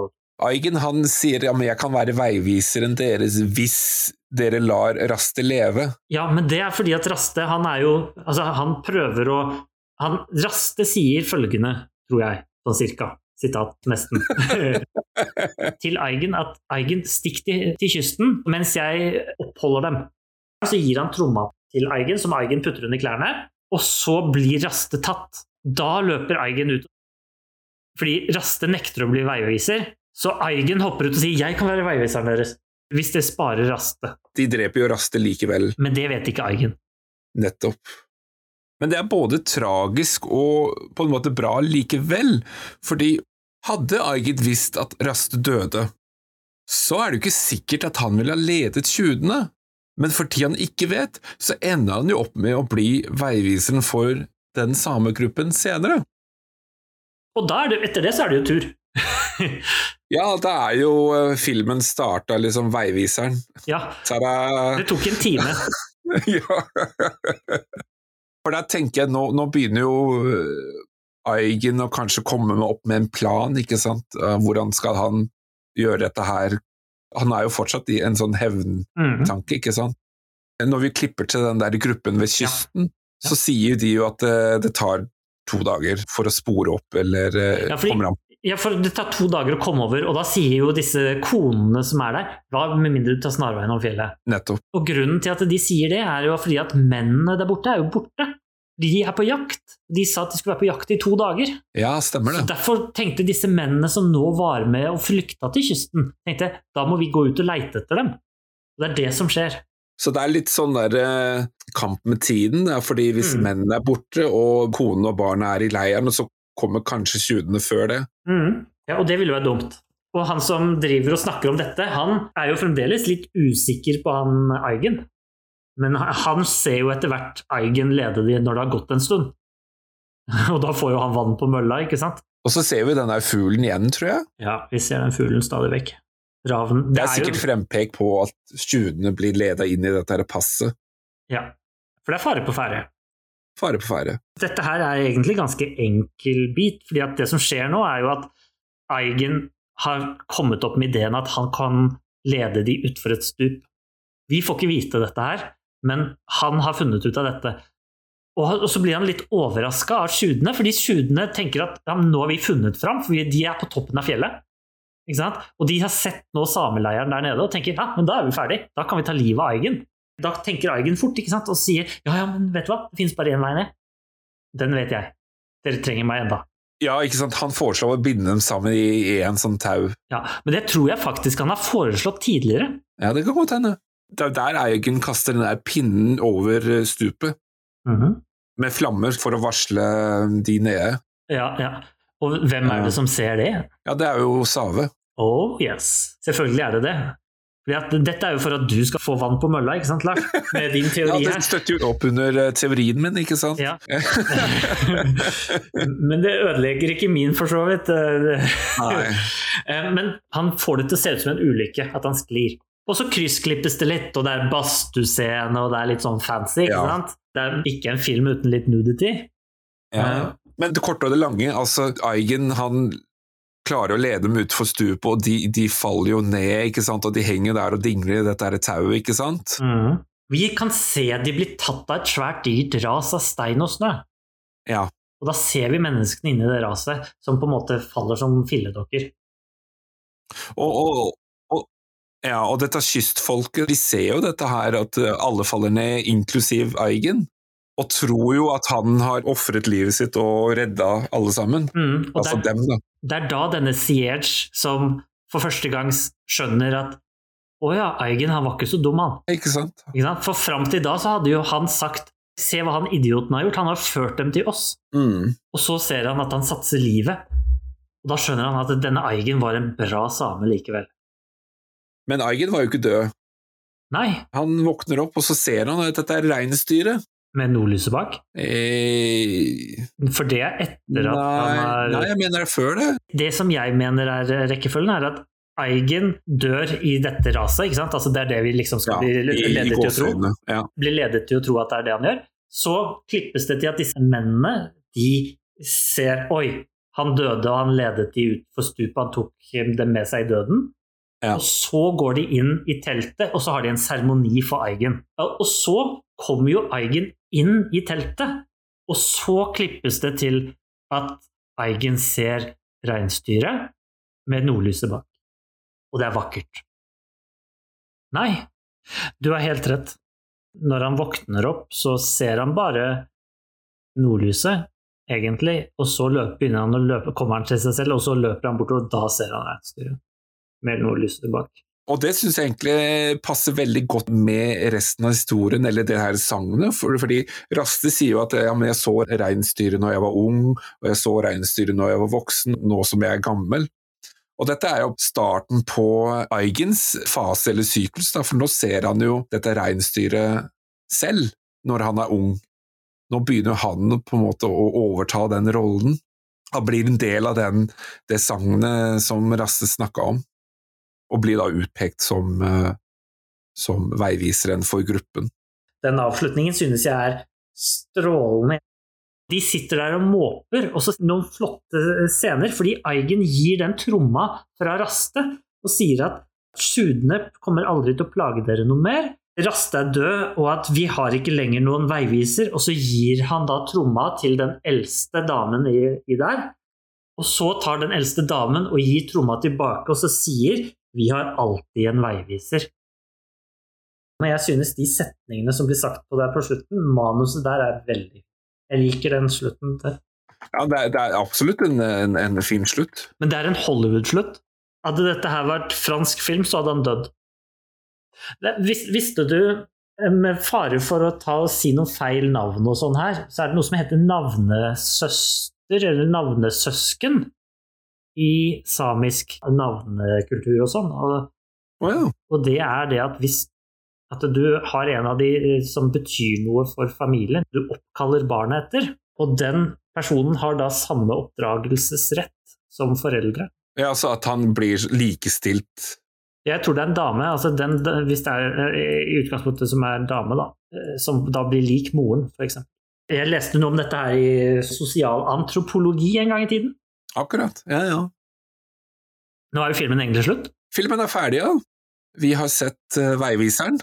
Det, det er én ting Den tromma den avsluttes jo med at disse folkene altså Det filmes ovenifra, og at tromma legges liksom transparent over der de sitter, sånn at vi ser at de sitter på samme måte som i den tromma som vi har sett hver gang. Ja, jeg lurte litt på hva de der symbolene egentlig betyr. Ja, men jeg tror det er rett og slett en rituell måte å sitte på. I forhold til hvem som skal sitte hvor. Altså Veiviseren sitter der, og bla, bla, bla. Kanskje hver person har en, sånn, en bestemt funksjon, ja, eller det vil jeg tro. sånn i forhold til hvordan de symbolene er tegnet og sånn. Ja, det vil jeg tro. Ja, kanskje. Ja. Hva synes du, Lars? Jeg synes det er en fantastisk film.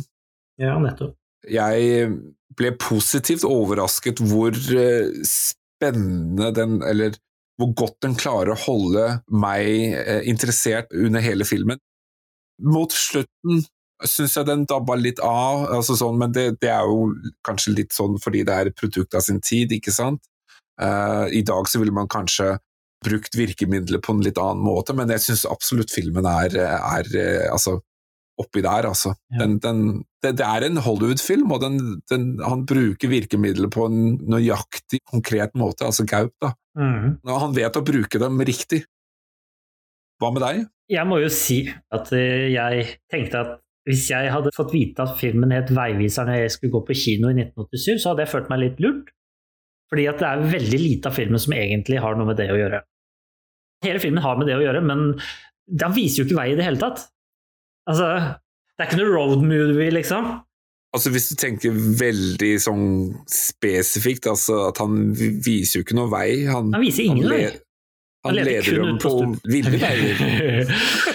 Tingen at Han skal jo egentlig gå i flere dager, og så det eneste vi ser, er at eh, de, de, første tre sekundene av turen, og så at de går utfor raset. Og selve det der med det raset føler jeg òg var litt sånn det kunne de gjennomført ja. litt mer spennende. Jeg tenkte akkurat det samme, at eh, selve det, det, det klimakset, hvis man kan kalle det, mm altså mhm. raset og det at de blir ført utfor stupet, eh, det var vanskelig å se litt hva som skjedde, og de kunne kanskje ha ekspandert den scenen litt. Ja, ja. Det var sånn bare oi, ja, nå var filmen ferdig, liksom. Mm. Ja. Men igjen, altså. Det er kanskje det man ville ha gjort i dag. Ja. Filmen er jo altså den er jo veldig gammel, den er jo 30 år gammel. Den er 36 år gammel. Og jeg likte at den ikke er noe spesielt lang heller. Ja. Det er faktisk ganske deilig. Ja, altså at den liksom drar de der eh, scenene altså Dytter inn scener her, og så blir det sånn eh, tre timers film, liksom. Det, jeg, altså den, den, er veldig sånn tight og går rett på poenget, liksom. Ja. Du, jeg har en del sånne tilbakemeldinger fra da den kom ut. Ja. Jeg har egentlig ganske mange, eh, men jeg kan nevne noen av de. For det første, Morgenbladet var kanskje de som var mest eh, begeistra. Morgenbladet sa eh, en ny day one for norsk film. Det er vel sikkert fordi de glemte Orion spilte, da. Som bare var det på dagen før. Eh, hvor de var da veldig, veldig positive, da. VG nevnte at dette var et magisk blinkskudd, Mm. Og ga den terningkast seks. Og sa at med magiske krefter drar veiviseren deg med på et fantastisk eventyr. Fra første stund ligger spenningene som en sitrende nerve over filmen.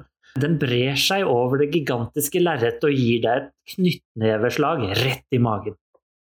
Så veldig begeistra VGs anmelder. Klassekampen var snakket om fotograferingen, som var, de mente var strålende. Aftenposten derimot, de ga den terningkast fem, men var litt mer kritiske. Fordi de mente at det var vakker koreografi i denne, men at det var pelskledde mennesker som ble beveget som flotte sjakkbrikker rundt på lerretet. Ja, og så henviste de til at dette ligner litt på han eh, Akira Kurosawa. Ja, det tenkte jeg også litt på. Mhm, Og det De der jeg også Seven. Samurais, er det det de heter? Ja, riktig. Og at det liksom ligner på hans energiske stil, da, på en måte. Men så sa de det at vi ikke blir kjent med karakterene i god nok grad. For eksempel Nei. Save. Ja, hun dukker opp veldig fort og forsvinner igjen. Ja, altså Hun dukker opp, og, og det er helt åpenbart at det er en kjærlighetsting som skjer her, men vi får ikke vite noe særlig om hvorfor, eller hvordan, eller hva er det som Ja, ikke sant, hva skjer? vi får ikke vite så mye. Og vi får heller ikke vite så mye om de forskjellige personene her. Så det er jeg litt enig i. Altså, den er ikke så lang, og det er veldig deilig, men den kunne vært litt lengre ved at de hadde lagt med litt bakgrunnsinformasjon. Eller gitt, altså, det er snakk om en bisetning her og en bisetning der, altså. I enkelte Mm. situasjoner. På samme måte som han bruker barn til å fortelle og lære oss om samisk kultur, så kunne han øh, gjort det med å lære oss noe om disse personene, sånn at vi blir bedre kjent med dem. Jeg hadde satt pris på det, og jeg er litt enig med det Aftenposten da skrev om akkurat dette. Jeg spurte opp en anmeldelse som er gjort av The Washington Post. Ja, den har jeg òg. Ja, 27. juli 1990. Du leste den også? Ja da, ja da. Det er en dame som heter Sean Cooper, som har skrevet den, og hun sier 'It's no joke'. Ja, stemmer det. Men det er også en annen som er skrevet av Rita Kempley. Ok? Jeg bare bet meg merke litt i en setting. The Shoots chief has the look of Darth Vader, and there's the dark side of the force about him, spooky in the northern lights. Ja, det er flere som har knytta de parallellene til Star Wars. Mm, jeg er enig i det. Og det er også det at Washington Post skrev også det at the pace may be somewhat slower than the Hollywood thrillers. With a little patience, you'll enjoy seeing the northern light. Som en henvisning til mot slutten der med nordlyset. Ja. Nettopp. Eller så må jeg si det at en annen som var litt negativ, da kanskje, det var Arbeiderbladet. Hvor de da sier at det, de mente at, at filmen i for stor grad gikk i tradisjonell actionretning, hvor harde voldshandlinger med groteske, forsterkede Dolby-lydeffekter og kryssklipping fra filmkunstens barndom med deilig interlatende og pulserende samer og stygge menn som slipper kniver i snøen. De føler at det er litt sånn overspill, rett og slett. altså Det er overgjort. Men så tok de også derimot og sa bildene i denne 70 mm var helt fantastisk. Det er jeg helt enig i. Det som kanskje er verdt å ha i, i konteksten, da, det er jo at um, noen kjenner jo kanskje til den her Alta-Kautokeino-saken. Mm. Altså den politiske konflikten som var, eh, var her i Norge. Og det var jo en konflikt som varte i, i, i mange år. Fra slutten av 60-tallet og helt uh, ut i 80-tallet også. Og dette er jo rett før denne filmen kommer ut. Mm. Og det er kanskje uh, litt interessant å ha litt i hodet, da, at uh, filmen i, i, i kjølvannet av dette her, altså en enorm påvirkning på hvordan man ser den samiske kulturen. Det er jo nærmest en revitalisering av kulturen, hvor den gir liksom mer et nyansert bilde av samer. Før så hadde man kanskje et helt annet bilde. Man så at eh, der bodde det noen folk i et eh, landområde som vi ønsker å utnytte på en eller annen måte. Så jeg tror helt klart filmen har, hatt en positiv eh, påvirkning, da. Jeg tror den har hatt en opplærende funksjon på folk i Norge, altså nordmenn generelt. Altså, vi har blitt litt Ja, kjent med absolutt. den samiske befolkningen. Og det har vi jo gjort da, i denne podkasten her nå, da, i, i denne episoden, så nevnte jeg da dette her med at vi kjenner jo igjen denne fortellingen. Og det er en filmhistoriker Nei, ja, vent litt, han er egentlig doktor i kommunikasjonsstudier. ved eh, universitetet i Milwaukee i USA, som heter da Scott R. Olsen, som sier det at, eh, at det er, han har kommet med et begrep da, som han kaller for gjennomsiktighet eller transparent struktur, som gjør at vi kan sette den Hollywood-transparente strukturen på det som han kaller for eksotiske grupper mennesker, og vi vil med en gang kjenne det igjen. Fordi at det er en sånn transparent struktur som ligger over det hele, eh, mm. filmatisk. Så vi vil alle kjenne igjen da historien om denne samegutten, da, altså Eigen. Fordi at den har blitt gjort universelt tilgjengelig ved Hollywood-film. Altså, vi trenger ikke bruke tid på dekode historien. Vi skjønner dette her er en western, liksom. Ja, ja, ja. Vi kjenner det, vi vet hva det er, vi vet hva som kommer. Og Du, du nevnte også her i stad f.eks. dette med Alta-aksjonen. Ja, ja. Eh, demonstrasjonen og sånn. Og den svenske bladet Dagens Nyheter gjorde den referansen når de anmeldte filmen. Og sa at det var, en, altså det var en vesentlig sak. Og man kom opp med dette her at vold avler vold. Her så er det samene er liksom de fredelige. Det er de som snakker om hvor fredelig man skal være osv. gjennom da denne raste. Og vi blir på en måte lært opp i at samene egentlig er gode folk. Ja, det har jo skjedd mye forferdelige ting sånn i forhold til det at man skulle dytte en norsk kultur over på en samisk kultur, eller samisk mm. folk. Det er jo en bakside der også, ikke sant? Det er ikke positivt i det hele tatt. Det er rett og slett en skamplett på liksom Norge, den fornorskelsespolitikken da, som man mm. kjørte der. Og den varte jo langt fram, ikke sant. Og da Det var jo viktig, rett og slett. Altså, denne filmen her fortalte nordmenn om samer på en helt annen måte enn det man hadde gjort tidligere. Ja, ikke sant? fordi her har man kanskje brukt uh, lang tid på å liksom fremmedgjøre en, en kultur da, som egentlig er altså, det samiske folket.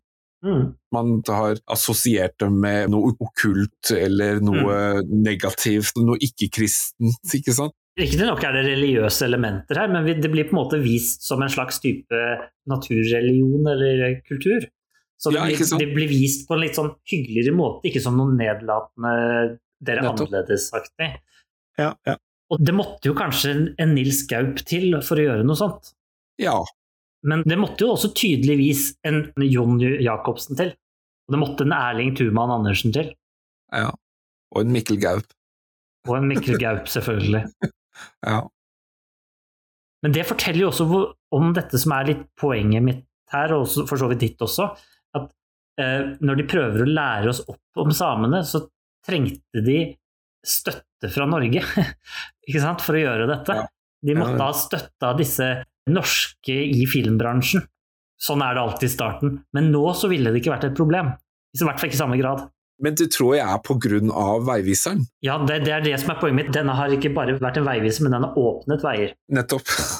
den, har, den, har, vært en veiviser. Ja. ja, vi elsker Lars.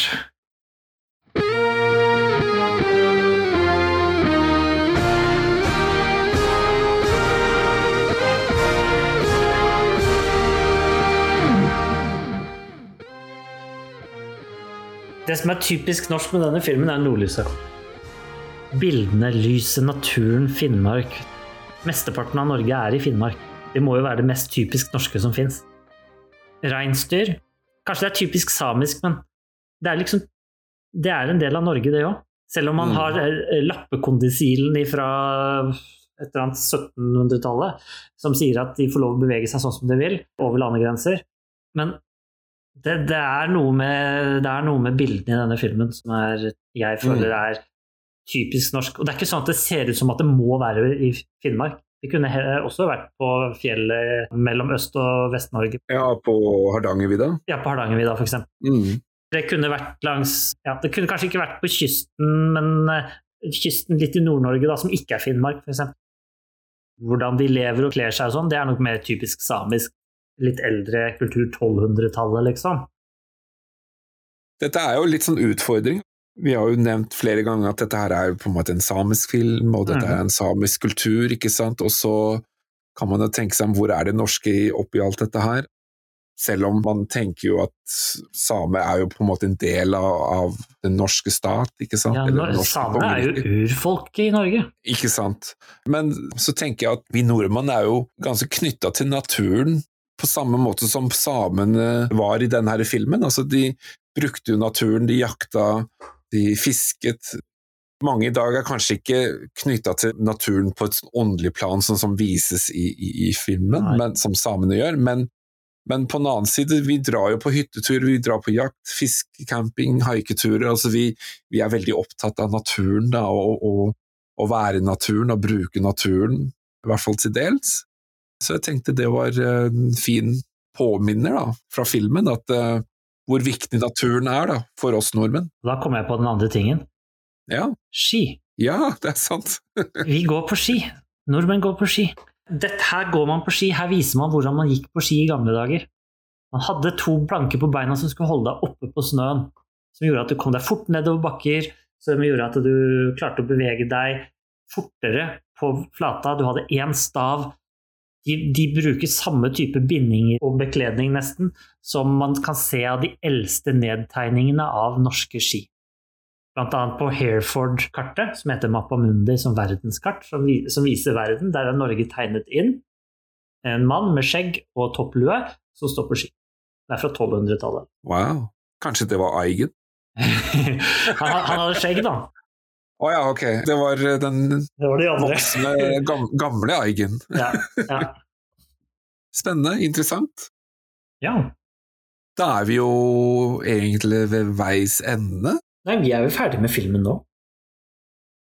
Nå har jeg sittet i, i eh, to timer her og så lurt på hvilken film eh, vi skal snakke om neste gang, Robert. Ja, Kan du avsløre den? det kan jeg gjøre. Dette her er en film fra 2011. Oi! Ja, relativt nytt. Ja. Den er regissert av Anette Sjursen. Kjenner du henne? Mette Sjursen, nei? Anette Sjursen. Den er skrevet av Lars Saabye Christensen. Ja, da vet jeg hvem er. Ja, og den har din favorittskuespiller med seg. Å, jeg har så mange. Pia Tjelta Oi! og Kristoffer Joner. Ja. Og vet du hvilken film det er? Oi uh... Den er 1 time og 15 minutter lang.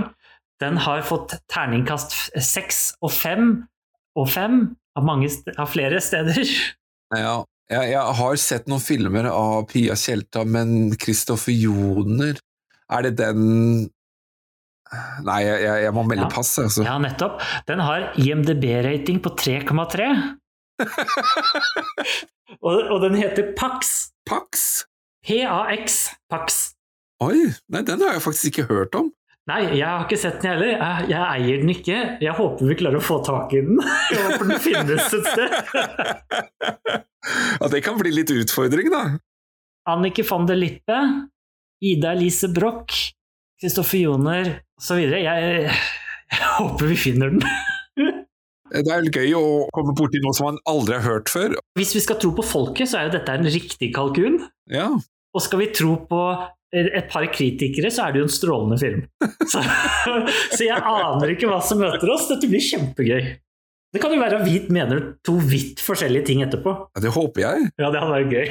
Vi er jo stort sett veldig enige om uh, filmene vi velger, da. Fordi Vanligvis så har jo du visst noe om filmen du har valgt, og jeg har visst noe om filmen jeg har valgt. Men denne filmen aner jeg ingenting om. Hvordan fant du den? Jeg sjekka Kristoffer Joner, jeg er ikke så glad i Kristoffer Joner. Du vet hva, det var faktisk tilfeldig. Jeg kom over den tilfeldig. Nei, men Kjempegøy. Jeg gleder meg, og jeg håper vi, uh, vi finner den. Ja. Er du enig eller er du uenig med det vi har funnet ut av om Veiviseren? Er dette her egentlig en westernfilm? Eller er hun dama essensiell for filmen? Du må si ifra! Si ifra! Diskusjonen er bra. Si ifra på Facebook. Send oss en DM på Instagram. Vi svarer. Vi deltar. Du får lov å være med i neste podkast. Du finner oss også på Spotify eller Apple eller Google Podkast hvis du ønsker å høre på alle våre andre episoder. Vi har 23 episoder, fantastiske episoder med filmer og eh, diverse temaer. Du kan også stikke på vår hjemmeside norskfilmer.no. Ja, der får du også lyttet på alle episodene. Neste episode kommer ut søndag 26. mars, og da skal vi snakke om Hva het den? Pax? Pax. Ja, Pax, pax. det gleder jeg meg til. Da er det bare å si ha det bra. Ha det bra.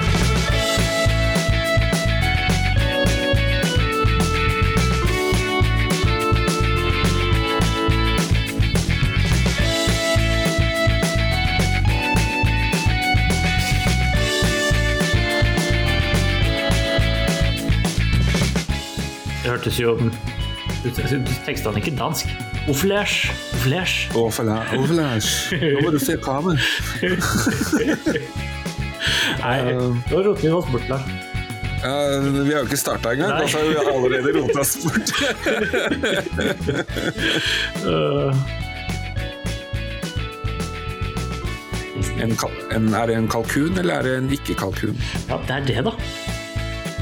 Er det spørsmålet? Har du satt meg opp nå? Nei, jeg, har, nei, jeg venter på at du er klar. Jeg. Jeg er klar.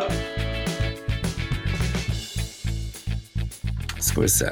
Nå må jeg bare finne Das Notatus. Uh, uh, filmkritikerprisen, åpen intro.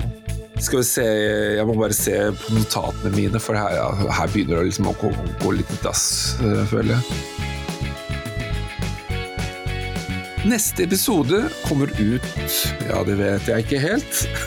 Cirka